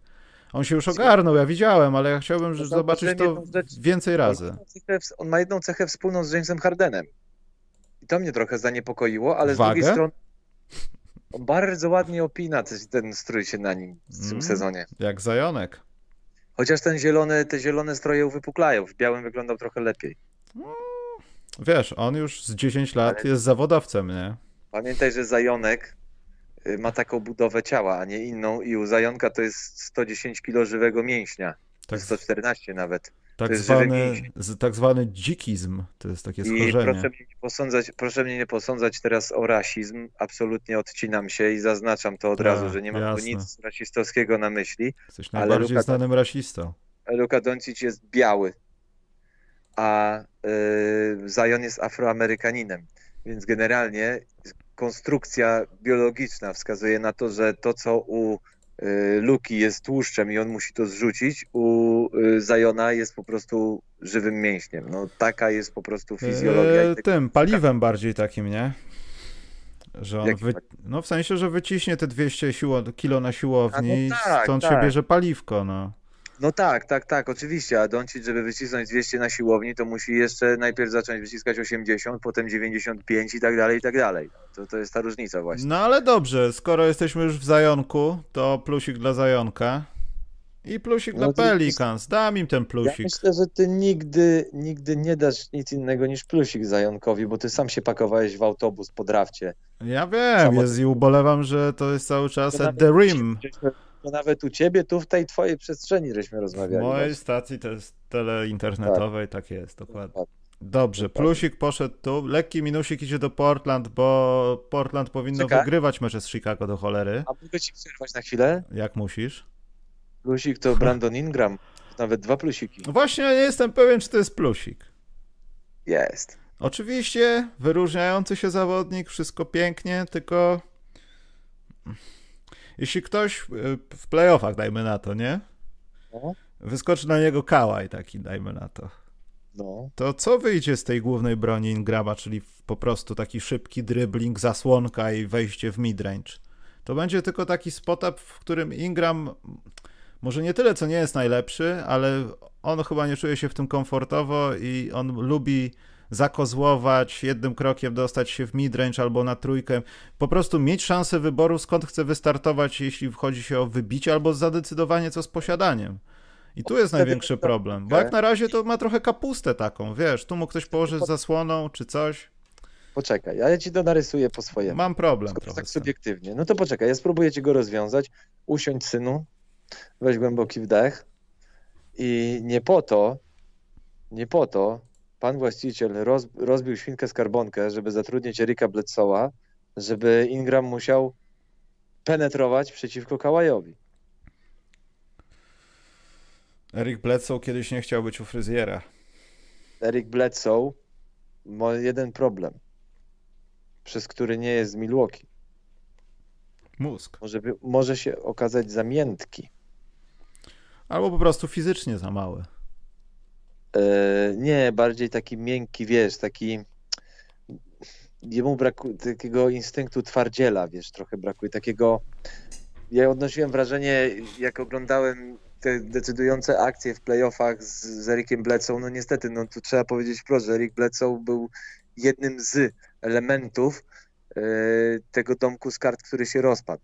E, dlatego, że, no nie chcę mówić, że elementem porażki, tak, no bo, bo jakby wiadomo, że brak awansu do finałów dla Bucks, no to była porażka. Natomiast do finałów konferencji zwłaszcza to była porażka. E, ale to był moment, w którym on po prostu trochę takie odnosiłem wrażenie, jak on troszkę tak jakby, no nie powiem, że głupiał, bo jest jednak koszykarzem NBA, jest gwiazdą NBA, ale trochę tak chaotycznie grał, rozdawał te piłki, jakby koniecznie, wiesz, trochę jeden z dziesięciu na siebie. Mhm. Trochę, trochę wiesz, tylko że przez to, że brał na siebie, to ani punktów z tego nie było, ani zagrywki jakiejś takiej. Takie miałem wrażenie, że czasami łamie te zagrywki i dobrze, tylko nie w tym, bo od tego jest też, po to jest rozgrywającym, ale y, jakby nie w tych momentach. I jakby jeżeli w Nowym Orleanie y, nad, nim, nad tym się u niego nie zapanuje, no to może być, to może być problem dla, dla Pelicans. Natomiast jeżeli masz gości takich jak Zion, jak Brandon Ingram, mało tego, nawet Lonzo Ball, bo mówię, mówię nawet, bo tu może niesłusznie patrzę ciągle przez pryzmat tatusia. Nie patrzmy już przez pryzmat taty na Lonzo Bola, ale masz nawet Lonzo Bola. Masz Stevena Adamsa. Tu generalnie Bledsoe ma sytuację, wydaje mi się, że jeszcze bardziej komfortową. Z drugiej strony musi po prostu wiedzieć, w którym momencie oddać piłkę komu. Mało jeszcze, ma być tym gościem, no. ma być właśnie tym gościem, po to, żeby Ingram nie musiał penetrować przeciwko Kałajowi, tylko żeby mógł oddać piłkę Bledsoe'owi, być może doprowadzić do przekazu w obronie i wtedy Ingram będzie slashował. Ale wiesz Poza co, tym Ingram to... może przyjąć piłkę górą. Tu chodzi czasami też o nawyki. Tu nie chodzi też o to, że taka jest najlepsza i najbardziej dogodna pozycja, tylko ten taki nawyk. Każdy ma jakieś takie małe tiki w koszykówce. Wszystko jedno, czy jesteś w NBA, czy grasz z sąsiadem. Jakieś takie małe rzeczy, bez których nie potrafisz zrobić określonych rzeczy. I ja wydaje, tak na... wydaje mi się, że Ingram może mieć podobny problem, znaczy problem, to nie jest żaden problem, bo tak naprawdę to jest tylko jakaś nasza chora, chora analiza, bo pamiętajmy o tym, kto tam y, jest y, trenerem. Mhm. I pamiętajmy o tym, co ostatnio ta osoba powiedziała na temat zawodnika pewnego.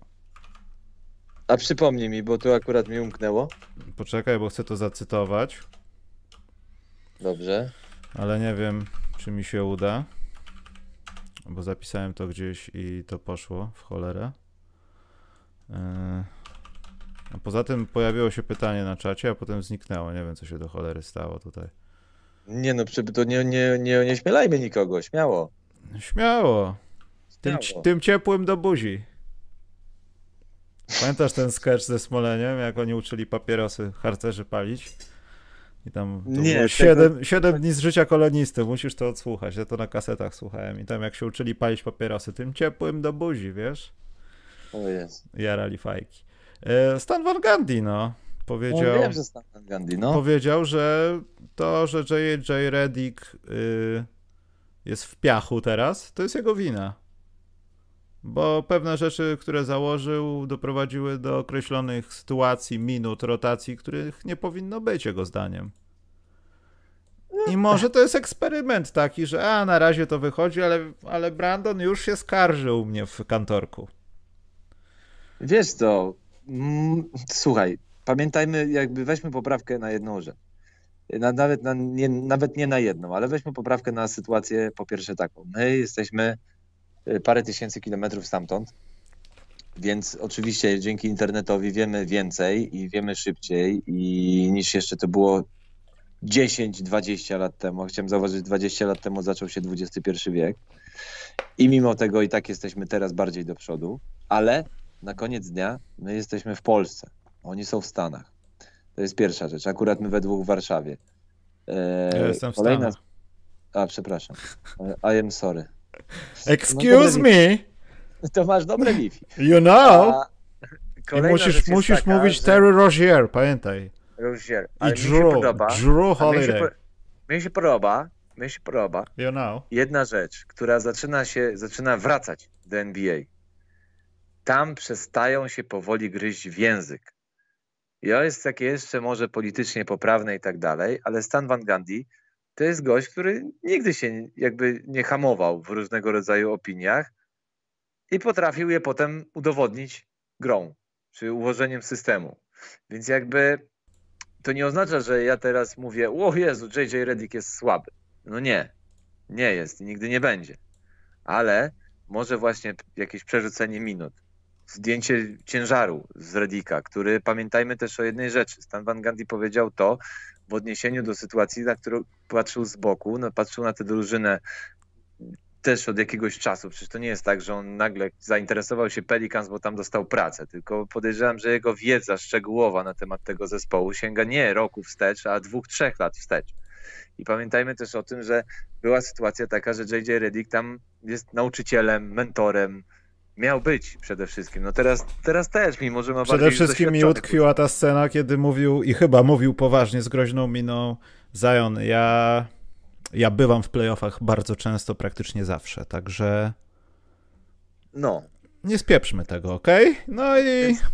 No okej, okay, ale to jest kwestia też charakterologiczna. Natomiast nie, to strony, był żart medialny do Rukisa, wiesz, taka sytuacja po no prostu. No wiadomo, ale też chodzi o to, że, że jakby na pewne rzeczy trzeba spojrzeć po prostu twardo i po męsku, tak? Na zasadzie był czas, kiedy JJ Reddick miał dostawać te minuty i on miał być mózgiem operacji. Dziś ma być mm, takim szlifier, szlifierzem trochę Szlifierzy, dobrze powiedziałem? Szlifierzem? Może źle powiedziałem. Ale wiesz o co chodzi. On ma teraz być, mieć tą szlifierkę Cały czas analizuje to słowo, tak, tak, tak. Tak, tak. On miał, ma mieć taką szlifierkę w ręku w tej chwili. On nie musi już tych cegiełek układać. Te cegiełki są. I one się same układają, same znajdują. To jest ten taki samo układający się Tetris. On ma tylko wygładzać te kanty ewentualnie ten cement tam między tymi cegłami, co tam się kładzie, to też tą zaprawę murarską troszkę tam oczyścić i tak dalej. I ja podejrzewam, że to miał na myśli, mógł mieć na myśli i w tę stronę mogły krążyć, mogła iść wypowiedź Stana Van Gandiego. Przecież jakby, wiesz, trener jadący po własnym zawodniku, no to, to wiadomo, jak się ta współpraca kończy, ona się wtedy kończy szybciej niż się zaczęła. Oczywiście. Ale Natomiast ja myślę, że obaj panowie są na tyle dorośli, na tyle doświadczeni, jeden i drugi, że oni wiedzą doskonale, co jeden z drugim miał na myśli. Jakby i to mi się też i to mi się podobało zawsze w NBA. Nie ma takiego, wiesz, udawania. No wiadomo, te wypowiedzi zawodników po meczu albo w trakcie meczu trenerów to są takie, wiadomo, że sami, się z nich śmiejemy na antenie, jak komentujemy mecze, takie politycznie poprawne i że o, wreszcie ktoś coś powiedział, a w sumie to tak naprawdę nic nie powiedział, czego my byśmy sami nie, nie mogli dopowiedzieć, tak? I to każdy z kibiców. No nie trzeba wielkiej wiedzy koszykarskiej, żeby dodać dwa do dwóch. Natomiast yy, najciekawsze są właśnie te wypowiedzi między meczami, między treningami, tutaj się dzieje. I to mi się podoba. Podoba mi się też to, że y, wraca trash talk. Podoba mi się też to, że David Booker potrafi powiedzieć Polowi George'owi, co oni Właśnie myśli. chciałem to powiedzieć, bo coś mnie wybiło z tego, że Jak w Phoenix przestańmy- podobają mi się te jaja, że Devin Booker Ale wiesz, przestał być ale- dzieckiem jakimś, tylko mówi Ale do znowu- Paula George'a, ty jesteś cienki jak dupa węża, tylko nie powiedział dupa węża, tylko N-word, ale mam cię w dupie, stary. Popchnąłeś mojego kolegę, mnie sfaulowałeś, zachowujesz się jak buc. Weź zamknij mu... Tak. Dokładnie, ale to jest to, ale to jest jakby, ja nie mówię, że to ma być normą, żeby oni się napierdzielali tam w każdym meczu, tak? Ale to się Ale- nazywa asertywność. Ale dokładnie, niech będzie asertywność i niech będzie ten to, za co kochamy też NBA, niech to będą faceci, tak jak powiedziałeś, faceci z jajami. Nie mówię, że wszystkie drużyny mają być każdy przeciwko sobie, ale są niektóre postaci, to jest jak między ludźmi, no jeden kogoś lubi, drugi nie, no i to jest normalne i dlaczego mają sobie tego nie okazywać, okej, w jakiś tam sportowy sposób, na granicy być może tych przepisów. To jest dokładnie taka sama sytuacja, jak y, ten, y, ten Norweg, ten Skoczek obrazi, że, że niby tam Kamila Stocha obraził. No ja pierdzi, pierniczę, ktoś powiedział wreszcie na głos, wyraził swoje emocje. Przecież ten świat skoczków jest strasznie taki miękki, taki cukierkowy, taki tęczowy, taki na zasadzie, że jest tak słodko, tak fajnie, oni tak się wszyscy lubią. Nie. Oni się wszyscy nie lubią. Oni się lubią między sobą w jakichś grupach. Jak modelki. Granerud pokazał właśnie to, że jest tylko człowiekiem. I mi się to podobało. Ja nie mówię, że jestem przeciwko Kamilowi Stochowi i nie mówię, że to, co powiedział, mi się podobało jako polskiemu kibicowi generalnie, tak? Chociaż nie jestem fanem skoków. Ale, ale powiedział to, co myśli. I jeszcze potem za to przeprasza, a polscy kibice go jadą. Za co? Jakby to powiedział Kamil Stoch, to co, norwescy kibice mieliby go jechać i by było wielkie oburzenie? Jak to norwescy kibice? To przecież Kamil Stoch taki fajny. No nie. Jest tylko człowiekiem. Jeden i drugi. Tak samo tam są też tylko ludzie i to jest najpiękniejsze, że my mamy ludzką stronę i ta ludzka strona też zaczyna przemawiać. Okej, zaraz przyjdzie Adam Silver i powie, nie no, ale bardzo proszę panowie, zachowajmy pewne podstawy i tak dalej. No dobra, panie Adamie, zachowamy, ale też jesteśmy tylko ludźmi. I to jest i jakby, i powiem szczerze, ten aspekt ludzki w NBA, to, że on wraca w jakimś tam stopniu i co jakiś czas się pojawia na parkiecie, to mi się podoba. I jakby ja tu nie ganię nikogo. I tak samo Stan Van Gundy, mówiąc o JJ Redicku, to co powiedział, y, miał prawo to powiedzieć. Jest trenerem, który musi to towarzystwo teraz doprowadzić do tego, czego oczekują w Nowym Orleanie. Playoffy co najmniej. Co najmniej. A być może, być może jakiś półfinał konferencji. Bo ja patrzę na zegarek i gadamy blisko godziny 20 minut. Przepraszam. Mam, nie no, znaczy to nie bardzo dobrze, tylko mam nadzieję, że tam jednak Wojtek sam nie komentuje meczu bez ciebie jakiegoś, bo... Nie no, jeszcze spokojnie. Jeszcze Dobrze, ale i tak trzeba będzie jakoś zagęszczać ruchy, więc ja chciałem dalej takie tak, dwa plusiki mam. Jeden to dla Oklahoma i Darius Bazley, wiecie, że go lubię, lubię lubiałem zawsze, bardzo, bardzo przyjemnie Oklahoma wygląda, to jest właśnie trust the process, bez Michał mówienia lubiał i Karol lubiał i oni tak lubieli. Wszyscy. Ja go śledziłem jeszcze przed tym, jak on był stażystą New Balance. Chłopak od razu powiedział, że tata mi powiedział, że ja nie idę do NCAA, to było piękne. Ale nie, dobry A zawodnik. Marcin powiedział. Dokładnie. O, gimbazą zawiało trochę taką, że A, nie wiedzą. Nie, że nie wiedzą, że Kimby A, nie że nie wiedzą. A, że nie znają. No. I to Oklahoma to jest jak dla mnie plusik, no wiadomo, tam się za dużo nie będzie działo, ale oni przynajmniej stwarzą godnie, starają się rozwijać tych chłopaków, których mają Ludort, masakra.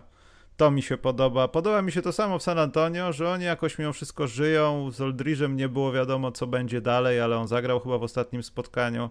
I to San Antonio dla mnie jest takim skojarzeniem odwrotności Toronto. Że my możemy, ale wy nie możecie. Pops mógł opuścić mecz i Becky prowadziła i, i trudno. Wynik jaki był, taki był, ale trudno. A wy z bardzo dobrym szkoleniowcem i tak nie dacie rady. Tak mi się to trochę kojarzy. Yy, I Wiesz co, ja, trochę, trochę tak jest, natomiast to jeszcze jeśli mogę dorzucić No. jakiś mały plusik, to ja myślę, że bo ja już mam minusy plusik. teraz już. nie, no to ode mnie plusik dla San Antonio przede wszystkim i za, nie za ten jeden, tę jedną sytuację, tylko za w ogóle to, co robią w kontekście Becky Hammon. Ona jest po prostu przygotowywana do tego, że jestem prawie pewny, że jeżeli Pops wreszcie powie dziękuję, to, to ona to przejmie. No. I przejmie to, myślę, w bardzo dobrym stylu. Tam jest jeszcze Timi, przecież nie zapominajmy, ale Timi myślę, że jest dopiero po niej w hierarchii. jeśli chodzi o przejęcie drużyny i to, co się wydarzyło, uważam, ok, zostawmy wynik. To doszło do historycznego wydarzenia i nad, o tym należy mówić. I wiem, że przed chwilą mówiłem o tym, żeby niekoniecznie wszystko było takie wygładzone i politycznie poprawne. No i właśnie mam taki problem polityczny, ale... teraz o tym wspomniałeś i coś wpadło ja mi do mam. głowy. A ja, a ja się bardzo, ja na przykład... Ale nie z Becky Hammond, tylko nie wiem, a, czy zauważyłeś jedną rzecz. Znaczy może mam paranoję też, Tylko nie? dokończę o Becky. No. Generalnie no. ja się bardzo cieszę i bardzo kibicuję i mam nadzieję, że, że Becky Hammond będzie trener. Tu mam problem z odmianą. Przepraszam wszystkie panie, które tego słuchają, ale jednak wolę niektóre męskie końcówki wyrazów, podkreślam wyrazów, yy, że jednak będzie trenerem San Antonio Spurs. Yy, I ona jest z drużyną w zasadzie, kurczę, nie wiem, czy od momentu, kiedy zdobyli wtedy tytuł, co przegrali z Albą Berlin, bo wtedy ją widziałem, jak pomagała w, w rozgrzewce przed meczem, ale mhm. y, nie wiem, może tak nie jest, ja nie przeczytałem za bardzo, ale jak WNBA stara się coś, ach, kobiety, ach, równouprawnienie, ach, sprawiedliwość i tak dalej, y, Subert wzięła ślub z tą piłkarką czy tam bramkarką, której książka ma się też pojawić jakoś niedługo w Polsce. W ogóle nie rozumiem, ale okej. Okay. No wzięła to wzięła. No. Tak, ale to jest rzecz, tak? O Boże, jak fajnie. Sportsmenką roku została nie Subert, tylko ktoś inny, ale koszykarka też, Brianna Taylor chyba czy jak ona się tam nazywa. Która też pewnie ma żonę. E, też, absolutnie no. zero z problemu, nie tam pije. Chodzi ja mi o to, że tutaj wielkie, och, zobaczcie, co się stało, zobaczcie, to jednak ma sens, WNBA Cares, a tutaj Becky Hammond, ja nie widziałem tutaj jakichś płatków róż, orkiestr i w ogóle podniecenia, a tak naprawdę to jest najfajniejsze. Ona była tyle z ekipą, jak normalny asystent trenera po prostu przeskoczyła ten level i wszyscy patrzą na nią jak na zawodowca. Może, a nie na jak na właśnie... cud jakiś, który się wydarzył mniejszy obok, tak. ale wiesz o co chodzi. I to ja z tym widzę San Antonio Spurs, to jest moje co mnie wpienia tak... do cholery. Ale wiesz co, bo wiesz co, bo może, może to jest kwestia tego, przepraszam, taki wątek politycznej poprawności czy ogólnospołecznej dyskusji wprowadzę, Boże. ale może właśnie to Spurs nam pokazują, jak ma wyglądać kwestia równouprawnienia w sporcie, tak? No bo to w Stanach zwłaszcza jest dużym problemem, w Europie troszkę może mniejszym z uwagi na różne kulturowe uzasadnienia. Nie, nie będę się teraz szpanował wiedzą z antropologii kultury. Nie o to chodzi. Chodzi o co innego. Może chodzi o metodę, bo WNBA kojarzy się z takim trochę, przepraszam, trochę płaczem, trochę takim ojej, ojej i takim szukaniem tak naprawdę w czymś, co jest oczywiste dla każdego, takiego bohaterstwa. A co jest oczywiste? No oczywiste jest to, że akurat i to też wynika z pewnych innych uwarunkowań i tak dalej, że no jednak więcej małżeństw tej samej płci zawieranych jest w sportach zespołowych żeńskich. No okej, okay. luz. Są tak na to jest. jakieś badania? Ale nie, no, no, ja myślę, że wystarczy prześledzić y, stan cywilny i kto jest czyim mężem lub żoną w NBA. I to w jest szkalowanie NBA. już. To jest szkalowanie. Nie, przepraszam. Jakie szkalowanie? Nie wiem. Nie, może... nie, generalnie chodzi o zjawisko. Stere... Dobrze, okej, okay, posługuję się stereotypem, nie mając nic absolutnie złego na myśli. Absolutnie nic złego, podkreślam. Język po prostu jest mało gibki, język polski zwłaszcza jest mało giętki, jeśli chodzi o nazewnictwo i terminologię ale myślę, że każdy rozsądny słuchacz wie, o co mam na myśli. I jakby tam jest szukanie właśnie takiego bohaterstwa, o, bo Subert wzięła ślub, bo będzie książka, bo będzie to, będzie tamto. Jasne, trzeba zaznaczyć swoją pozycję, zgadzam się z tym, ale może sama metoda yy, jakby takiego równouprawnienia, znajdowania jakichś furtek została nam pokazana przez Spurs, czyli Becky Hammond jest pierwszą kobietą, która poprowadziła drużynę w meczu NBA. Trochę z przypadku, no bo Pop sam wyleciał z tego meczu, tak? Sam się o to postarał. Ale, ale wskazał ją. Ale, ewidentnie ale wskazał, wskazał ją. Wskazał ją. I teraz tak, wskazał ją nie dlatego, że jest kobietą, tylko dlatego, że jest profesjonalistką, to wskazał ją też dlatego, że przeszła odpowiednie etapy szkolenia i tak dalej, i tak dalej. A jeżeli w tym wszystkim jest kobietą i stała się symbolem pewnej walki, pewnego ruchu i pewnego mm, jakby zjawiska społecznego, o które wszyscy, każdy rozsądny też mężczyzna walczy na świecie, to tym lepiej. Ale nie poprowadziła tego, tego, tej drużyny dlatego że jest kobietą, tylko dlatego, że jest profesjonalistką w tym, co robi. A tą profesjonalistką stała się dlatego, że ktoś do niej wyciągnął rękę. Ktoś ją tam zatrudnił. Na początku prawdopodobnie jako player development coach, bo to tak, tak się te, ci ludzie prowadzą rozgrzewki najczęściej z zawodnikami.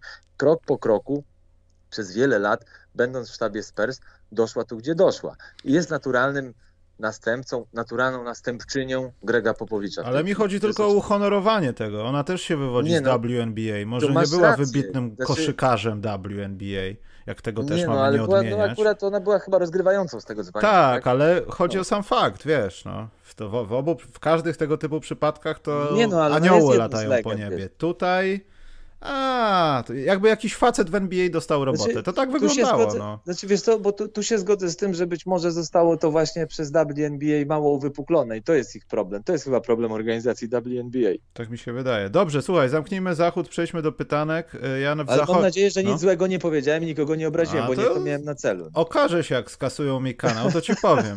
E, nie, o... no, nie, no spokojnie. Oklahomie... miłość dla wszystkich, poważnie. O Oklahomie mówiłem. E, Clippersom powinienem dać plus i w ogóle to jest trzecia drużyna w NBA, dajmy na to teraz, może nawet druga, ale przez ten mecz z Mavs dalej będę milczał. W przyszłym tygodniu coś powiem o Clippers. okay. Dalej nie zasłużyliście na to, żeby... I w ogóle to, jak zachowuje się Paul George ostatnio, właśnie w tej sytuacji z Bookerem, to jest jakiś żart. Naprawdę jesteś ja miętusem. ktoś ci powiedział, że jesteś miętusem i bulwersujesz się, że ktoś ale... ci powiedział, że jesteś miętusem.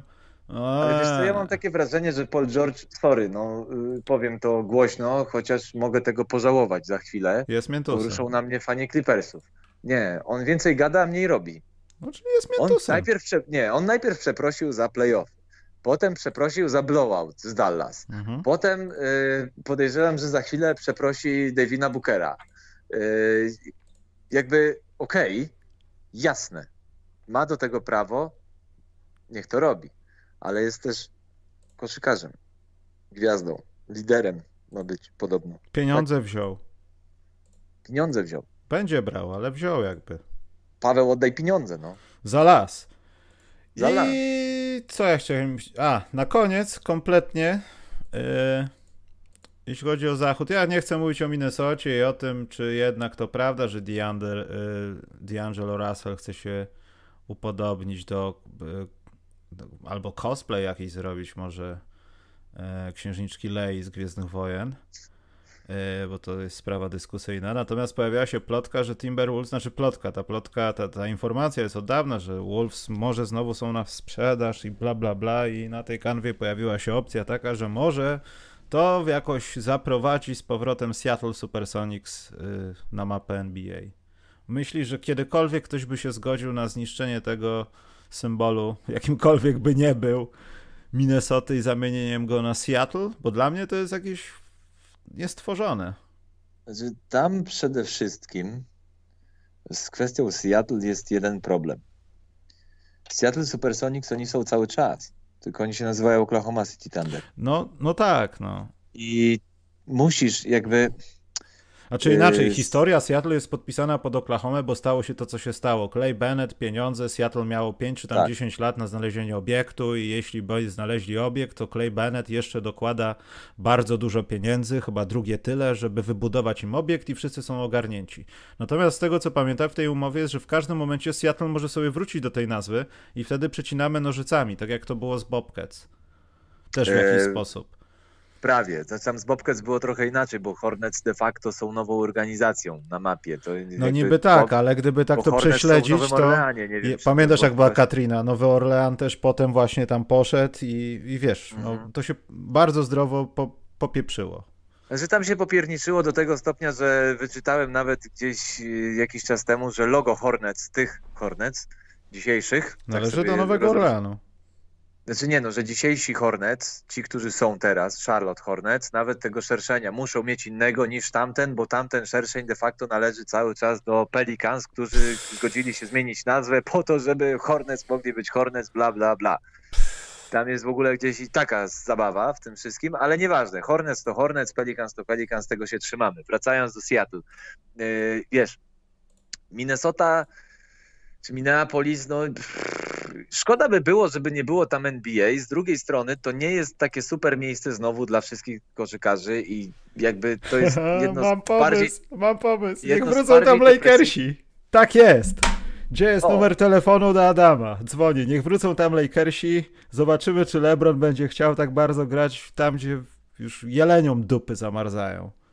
No, pamiętajmy, wiesz, zresztą to jest coś, co myślę, że niektórzy wiedzą, co powtarzam jak mantrę, że to jest najbardziej depresyjne, jedno z najbardziej depresyjnych miast w Stanach Zjednoczonych, chociażby z uwagi na to, że jak my narzekamy w naszym klimacie na brak zimy albo za duże słońce, to w Minneapolis akurat tego miałem okazję, no też przyjemność, no bo podróże kształcą, więc to była jakaś przyjemność, doświadczenia, ale miałem okazję doświadczyć tego, że minus 40 to tam jest normą zimą, a latem jest plus 40, tego akurat nie miałem okazji doświadczyć.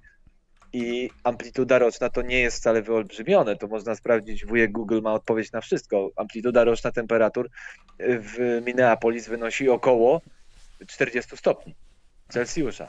Weź tam żyj. Tam się żyje na poziomie pierwszego piętra i chodzi tunelami takimi specjalnymi, które są. ich przenieśmy. Antony Eee. Davis, chciałem zobaczyć go grającego tam. Caruso w czapce by podczas meczu grał.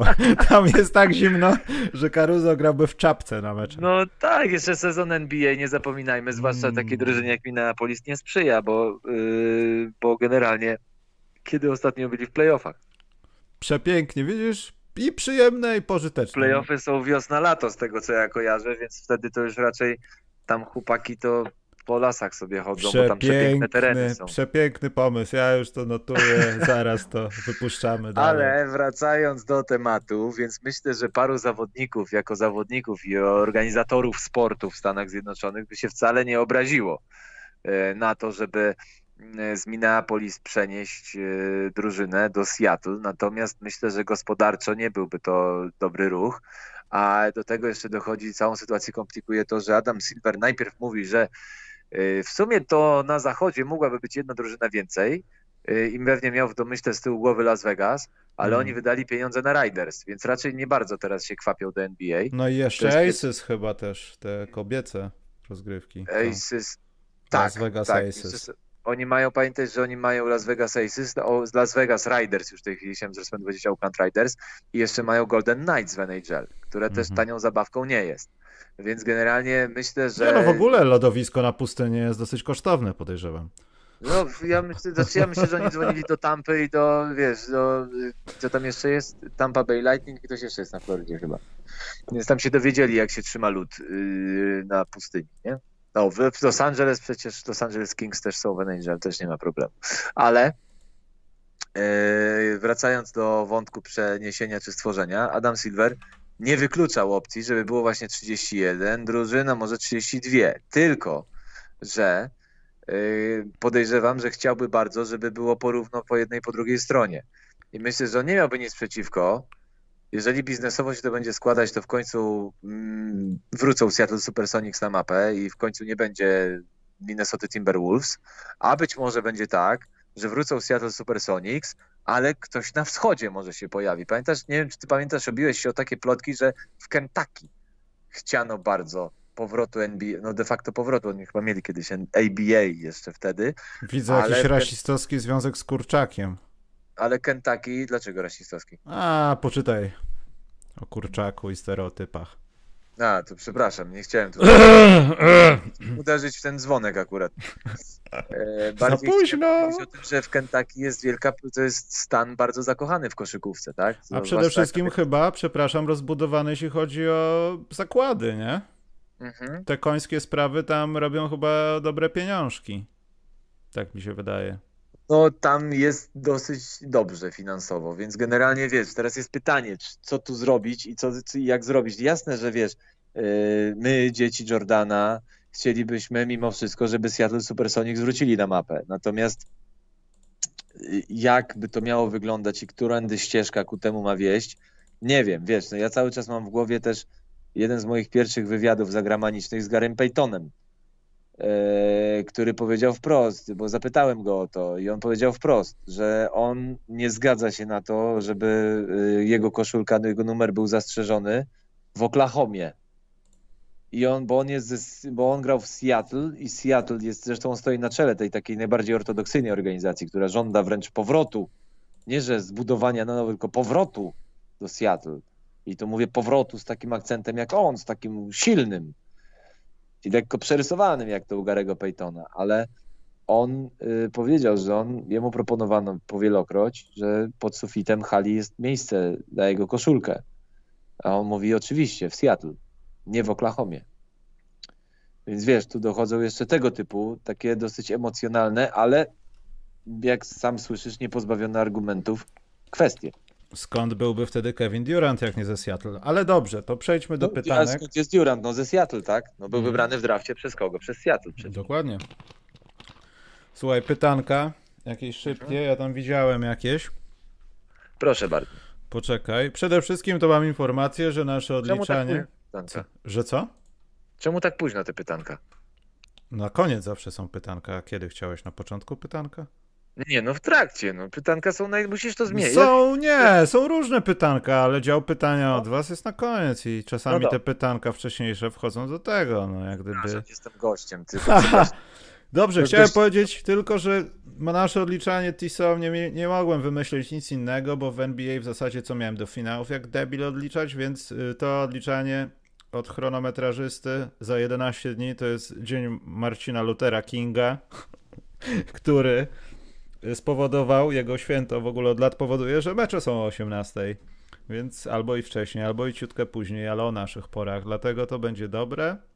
A Michał wam nie powie, jakie wtedy będą mecze na Kanal Plus, ponieważ co nie wie. Ponieważ jeszcze nie wiem. Nie, no szczerze to y, jakby, ponieważ mam trochę, no nie, nie, to nie jest tania wymówka. Mówię wprost, jak to wygląda, ponieważ ostatnie dwa tygodnie to praktycznie tylko do domu przyjeżdżałem spać, robić notatki i wracać na NBA. O różnych porach zresztą, bo i o 21 i tam chyba o 18 też się w Boże Narodzenie zdarzył mecz. Akurat nie ja go robiłem, ja robiłem ten późniejszy i tak dalej, więc powiem szczerze, jeszcze nie wiem, co pokazuje, które mecze. Wiem, że trzy. Na pewno trzy mecze będą e, na naszej antenie, jeden po drugim. I od razu też, bo może takie pytanie gdzieś padło, bo w Boże Narodzenie doszło do sytuacji, że nam się nałożyły dwa mecze i strasznie, strasznie ludzie pisali w różnych mediach społecznościowych, że ale jak to przycięliście i w ogóle. No tak, przycinaliśmy tylko przerwy między y, te timeouty wszystkie, żeby pokazać całą grę. I tutaj będę bronił jak lew tej idei, dlatego że gdybyśmy weszli jakby na mecz live, live, na pierwszą, bo tylko pierwsza połowa, druga połowa była normalnie jeden do jednego.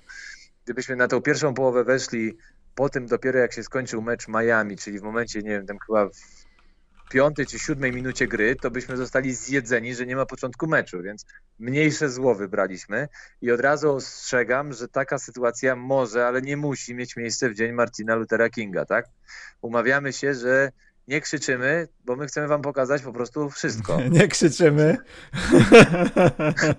Więc jakby to mówię oczywiście z przymrużeniem oka. Rozumiem frustrację niektórych, rozumiem zwłaszcza tych, którzy nie wiem, z jednej strony śledzą, mają odpalone statystyki w ESPN-ie podejrzewam i patrzą jednocześnie na ekran. I im się nie zgadza i rozjeżdża. Jasne, ale też jest wiele osób, które po prostu oglądają mecz bez patrzenia w statystyki.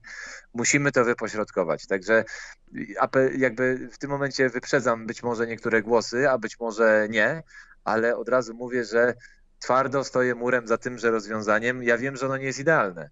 Wiem, że nie jest, ale z dwojga złego chyba lepiej pokazać wszystko z gry, bez timeoutów, a potem drugą połowę już live, bo to wszystko jest regulowane i tutaj naprawdę sztab 10 osób nad tym pracował. To nie jest tak, że my sobie siedzimy w budce komentatorskiej i to regulujemy, tylko był wydawca, byli panowie z emisji, e, byli dwóch montażystów i tak dalej, i tak dalej, więc to nie jest takie hop siup Y, jak się wszystkim wydaje. Y, I myślę, że lepiej chyba w tę stronę i tyle. Więc jakby tylko tutaj taki mały apel, nie, nie krzyczcie więcej, tylko zrozumcie, że są też inni, którzy niekoniecznie aż tak mocno siedzą w statystykach, jak niektórzy z was być może. Dlatego mówię, no sorry, że tak czasami wychodzi, ale to też nie jest nasza wina.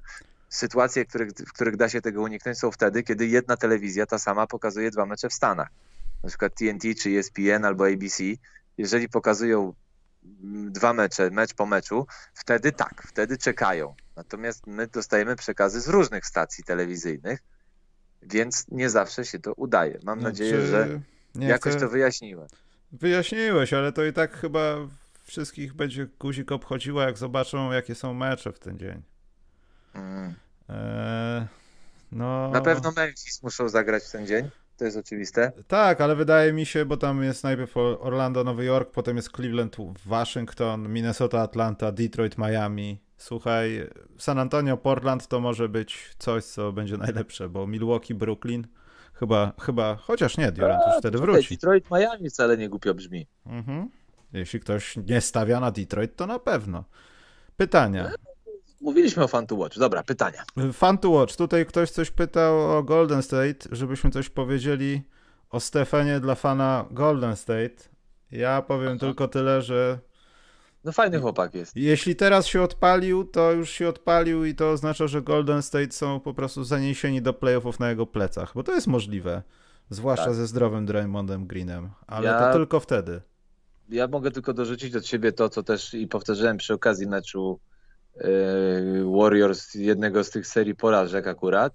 To, co mówiłem też yy, w naszej rozmowie zresztą dzisiejszej u, u mnie w radyjku, tak. yy, że ja myślę, że jest jeden plus całej tej sytuacji, początku, zwłaszcza tego very beginning, czyli tego, tak podszedłem tak, wiesz, modnie mm. teraz,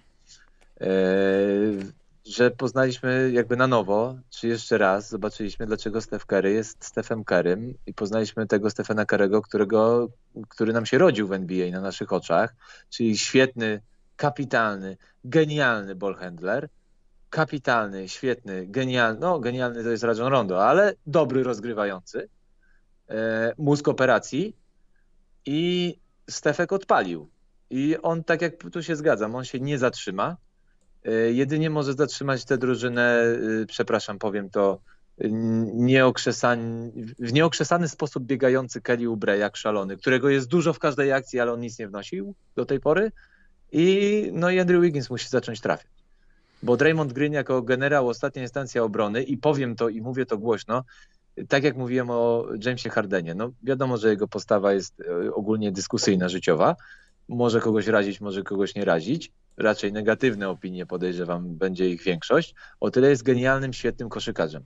I tak samo świetnym obrońcą i świetnym takim generałem od defensywy jest yy, Draymond Green. Jeżeli on zapanuje nad Kelly Oubre i powie, synku... Co zrobi? Yy, zapanuje nad Kelly Oubre i powie, posłuchaj, my tutaj broniliśmy i tak, tak i tak. Jeżeli tu się trochę uda jakieś lejce zarzucić na Kelego Oubre i Andrew Wiggins zacznie rzucać, tak, playoffy są. Stary, jak to się stanie, to u mnie w ogródku rozpoczynam odwiert, bo ropa naftowa i diamenty są ze dwa metry pod powierzchnią mojego trawnika. Jeśli tylko to się stanie. To jest niemożliwe. Sam przyjdę kopać. Przyjdź sam kopać, no. Tylko, że będziesz kopał, nie wiem, taką tym spinaczem takim, żeby było, albo widelcem, żeby było ja trudniej. Od razu mówię, ja przedstawiam wizję idealną. Wizja realna jest taka, że po prostu jest utopia. musi zacząć Andrew Wiggins musi zacząć rzucać, a w oknie transferowym trzeba wymienić Kalego Ubre. No, proste. To jest raz, a dwa, Andrew Wiggins wyróżnia się powoli, znaczy powoli, sprawdziłem sobie różne znaczy, rzeczy. Musi zacząć trafiać, bo on rzuca, tylko Ale z pick and rolla jest jednym z najlepszych ludzi w NBA, kiedy mhm. biega. To jest ciekawe. I zacznie biegać, spokojnie. Dobrze, Kali tutaj... Ubremu zrobi miejsce. Ja... On na razie zajmuje parkiet. Ty uwielbiasz takie pytania, bo jesteś przecież serwisantem no? Kanal Plus. Kiedy będzie Kanal Plus w 4K, Michał? Yy, nie wiesz? Są na, razie, są na razie mecze w 4K. Gdzie?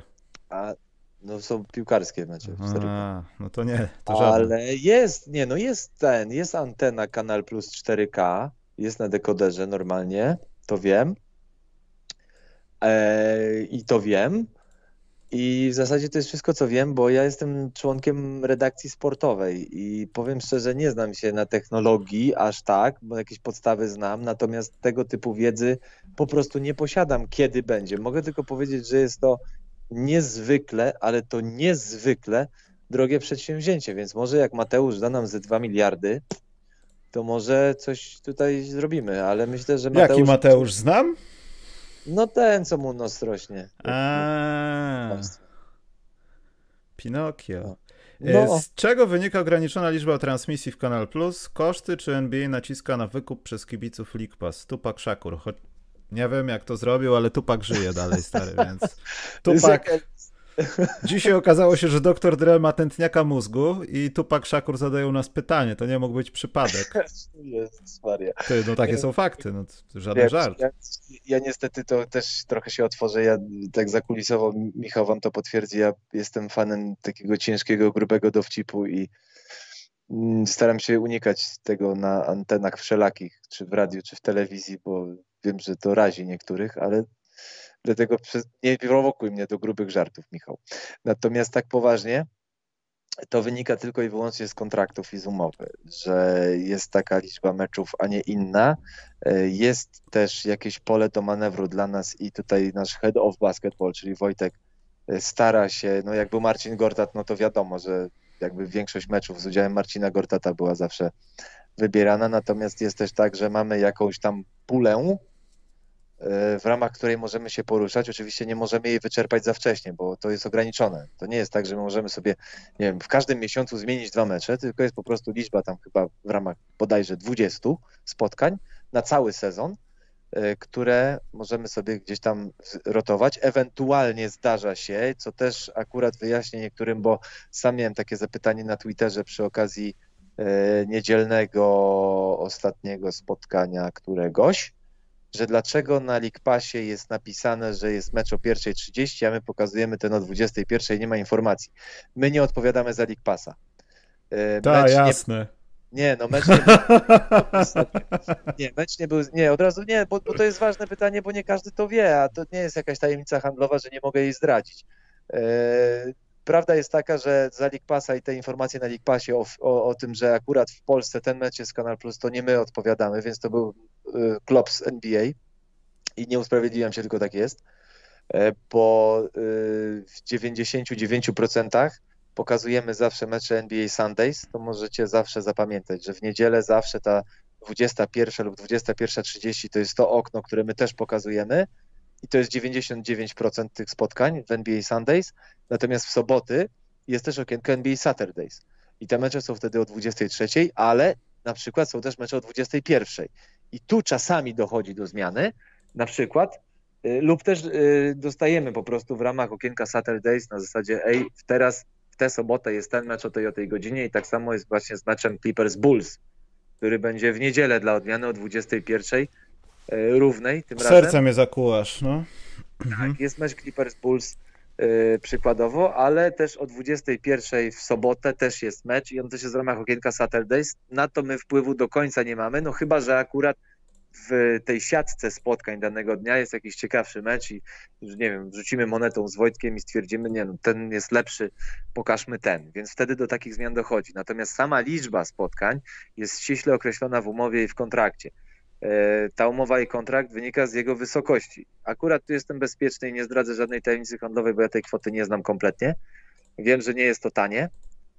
E, I ten pakiet, który my posiadamy w ramach naszego kontraktu, też nie jest tani. Są też droższe, ale no, na te droższe jeszcze, jeszcze nie do końca nas, że tak powiem, stać. Natomiast NBA też stara się wychodzić w pewnych kwestiach naprzeciw i różnym pomysłom naszym, a będzie jeszcze głośno o naszej antenie niebawem, nie mogę nic więcej tu powiedzieć. O której? Ale będzie jeszcze. O podcaście będzie specjalnym będzie go głośno? Będzie gratka dla fanów kosza. Eee. Poczekaj, mam zakłócenia, nie słyszałem co mówisz. Właśnie, właśnie ja też.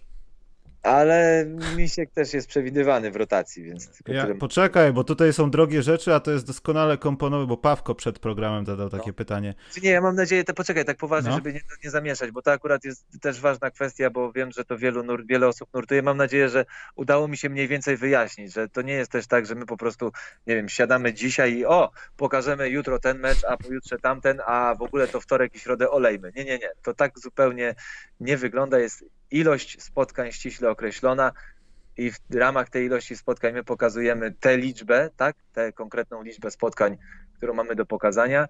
Mm, natomiast y, czasami dochodzi do zmian y, z różnych przyczyn, nie tylko z naszych przyczyn. My mamy jakiś, powiedziałem, jakąś pulę na cały sezon, w której możemy się poruszyć. Natomiast to też nie jest tak, że 6 stycznia będziemy wiedzieli, co pokazujemy 22 lutego, dlatego że być może wtedy w ogóle nic nie pokażemy, bo się okaże, że 23 jest jeszcze ciekawszy mecz i wtedy dopiero wymienimy y, że tak powiem, y, to spotkanie, lub też NBA na przykład przyśle informację, że ej, słuchajcie, zmieniliśmy, bo przecież tak było dwa czy trzy sezony temu, mieliśmy taki zacny mecz, nawet wcześniej, taki wspaniały mecz w NBA Sundays New York Knicks, Los Angeles Lakers, takie derby biedy, czyli 15 z 15 drużyną wówczas w konferencji e, i potem akurat e, NBA sama doszła do wniosku, że jednak oni też będą rotować tymi meczami po to, żeby pokazywać coś, co jest ciekawsze. E, więc, więc generalnie to z tego, z tego wynika i no, i z tego wynika. Bo zgubiłem. O, y, nie, to chyba będzie ostatnie, bo tutaj będą pytać, czy masz pewnie, że czekam na pytanie, czy masz taniej do załatwienia abonament, wiesz, ale dobra. Y, nie ma. Nie, od razu mówię, nie odpowiadaj nie od razu. Nie mam, bo to nadużyć będę dochodziło za dużych, jesteśmy zblokowani w tym, w tym e, Tutaj jest pytanie od y, debiut Bartka. No bardzo dobrze, Bartek się zna na koszykówce chyba trochę, także tak mi się wydaje, ale czy jest możliwość zaprosić Bartka do podcastu, aby coś opowiedział? Bartek jest taką gwiazdą, że chyba nie da rady. On jest za drogi teraz. Nie stać mnie na niego, także ja nie wiem. Poza tym ten, wziąłem Michała, bo przez to, że Bartek tam teraz zaczął komentować, to Michał stracił na wartości. Na to mnie stać. No i... Że jestem tani, ja, ja, jeszcze jestem na etapie, że ja za trzycyfrowe sumy jeszcze pracuję. Tak, jeszcze Wojtek powiedział, żebym brał, bo to już kompletne dno dna jest, także no widzisz Znaczy nie no, chodzi, to chodziło o to, że Wojtek powiedział Michałowi, żeby wziął mnie, dlatego żeby mnie trochę podhypować. A, no tak, ale mówił, że no, nic lepszego nie ma. Więc wychodzi na to, że Bartek jest tak drogi, ale poczekaj, tak poważnie jest pytanie PS. Wciąż czekamy ja na jakiś... z tragarzami po prostu. I tego Kosaka. I tego Buddę. A Buddę to... co tam było pod ręką, taką tak. walizkę z mięsem. A, daj spokój, stare dzieje. Y, PS, wciąż czekamy na jakiś program o koszu w kanale sportowym, ale nie wiem, że my wszyscy czekamy, czy że... Znaczy, ja nie odpowiadam za kanał sportowy. Ja też nie. Swoją drogą... Nie łączy z jakby poza tym, że gdzieś tam sympatyzujemy ze sobą jako ludzie, czyli z twórcami kanału sportowego, żyjemy w dobrych relacjach, to poza tym tak realnie zawodowo to łączy mnie budynek radia weszło i zaraz obok jest studio kanału sportowego. Potwierdzam to, to, byłem tam, potwierdzam tak, tą informację. To jest jedyne, co mnie łączy jakby z nimi, więc nie jestem w stanie odpowiedzieć za nich. Ja też nie, ale to jest moim zdaniem źle zadane pytanie, czy ja bym chciał tam iść. Ale to może w następnym odcinku. A czy ty byś chciał tam iść? No to posłuchaj, no to przechodź z tragarzami tutaj. Dobrze, bo ten podcast... To już są czterocyfrowe sumy te negocjacje, ale no, moja prowizja nie jest wysoka. Ja wiem, dlaczego tak przedłużasz podcast, bo jak ten, jak druga godzina się rozpocznie, to charge'ujesz za następną rozpoczętą, ja to wiem. Raczej. Mówiłem, ci ludzie z tej telewizji nie są... Wojtek nie miał racji, to wcale tanie nie będzie. Kurde, Aha, to są tak zwane ukryte koszty. Bartka mogłem wziąć, to bym wyszedł lepiej, tam minimalnie. Cholera, wszędzie pieniądze. Dobrze, słuchajcie, nie mamy już rzeczowych pytań, więc sobie pójdziemy. O której masz mecz? Pierwsza 30, Miami-Boston. To poczekaj. E, dzięki za dziś wyrazy uznania za wybór znakomitego gościa. Pozdrawiam panów redaktorów Michałów i wszystkich oglądających, słuchających, piszących, czytających. Piszę to tylko dlatego, o. że mam moderatora. Ale to było bardzo miłe. Dziękujemy, Łukasz. Dziękujemy bardzo. Nie, już są głupie żarty, trzeba iść. Dobrze, słuchajcie, ja w tym tygodniu. A, jest jedna informacja. Ja w tym tygodniu rozmawiałem z pewną osobą i prawdopodobnie powstanie nowy szczep podcastu specjalnego, w którym opiszemy historię koszykówki. Taki jest plan. Nie powiem z kim, no, ale to może być trochę takie ciekawe. Będzie o Polakach trochę, bo będzie o Liknurku, czyli Knorku, jak się potem okazało, i takie tam. I może będzie coś o fantazy w tym tygodniu z Maćkiem Staszewskim, ale jeszcze się nie umawiałem, więc nie wiem, ale może w weekend, także yy, można zakończyć, bo już były te, co jest po mszy zawsze, w sensie informacje parafialne. Ogłoszenia tak. parafialne. Tak, ogłoszenia, ale informacje, wiesz. W gdzie... telewizji to się nazywa tyłówka. Albo pogoda. Nie, tyłówka jest zawsze. Na koniec każdej, każdej pozycji antenowej jest tyłówka. Dobrze, no przecież ja się nie znam, to ty jesteś telewizji. U ciebie akurat nie jest potrzebna, bo ta lista do wypłaty nie jest zbyt długa. No. Mogę no. dublować nazwiska. Ale możesz dublować, możesz pisać zawsze dwo, dwoma imionami. Masz drugie imię? No mam, ale w tych czasach chyba A lepiej. jakie nie- masz drugie imię? Lepiej, żeby ludzie nie wiedzieli. Nie, no powiedz, ja też Nie. wtedy powiem. Nie powiem. Ale jak ja powiem, to nie będzie. niestety, znaczy niestety. Jak prezydent. Który? No obecny. Andrzej? No. Ja mam jak były. Dwóch byłych. To jak? Lech. A, no tak, nie pomyślałem, no, No. tak. No Lech? dwóch, tylko tak. To Tylko jeden tragicznie skończył. To dlaczego nie ma... To dlaczego nie masz wąsa? To Wiesz co, pytanie. mam, tylko ja mam ca- cały zarost. Mam wąs otoczony brodą. No, no tak, bo ludzie cię nie widzieli w sumie nigdy, tylko cię słyszeli, więc Nie no, czasami na socjalach tam pojawiam się. przyklejacie sobie wąsy. Albo żużel na przykład, jak państwo ogląda, to państwo czasami mnie zobaczą. Właśnie, może w tym roku obejrzę żużel. O, widzisz, już nie, nie wracajmy do tego, co było w zeszłym Nie, roku. nie, nie, nie, nie, nie, nie. Ja to wszystko wiem, przeanalizowałem, mam notatki. Dobrze. Dobrze, Tak. no to informacje macie, rozpiski macie, oglądajcie Michała, hejtujcie go na w każdym polu, on wróci, odpowie na te hejty wtedy, albo go nie hejtujcie, jak go chcecie pozdrowić, to on też może wróci i wtedy go pozdrowicie. Także tak czy siak, Tak, tak czy siak wróci. Tak, nie, no stawiam na jednak pozytywne myślenie i optymizm, także luz. No i bardzo dziękuję też za gościnę w twoim skromnym, y, ale bardzo efektownym i efektywnym i merytorycznym studiu i programie i w ogóle bardzo, bardzo. Dziękuję, dokładnie tak jak chciałem to powiedziałeś. Dziękuję bardzo. Bardzo dziękuję i bardzo pozdrawiam też wszystkich serdecznie i przepraszam, jeśli ktoś nie jest usatysfakcjonowany tym, że to akurat byłem ja dzisiaj. A, miejmy to gdzieś. Dobra, trzymajcie się czołem. Na razie, najlepszego wszystkim.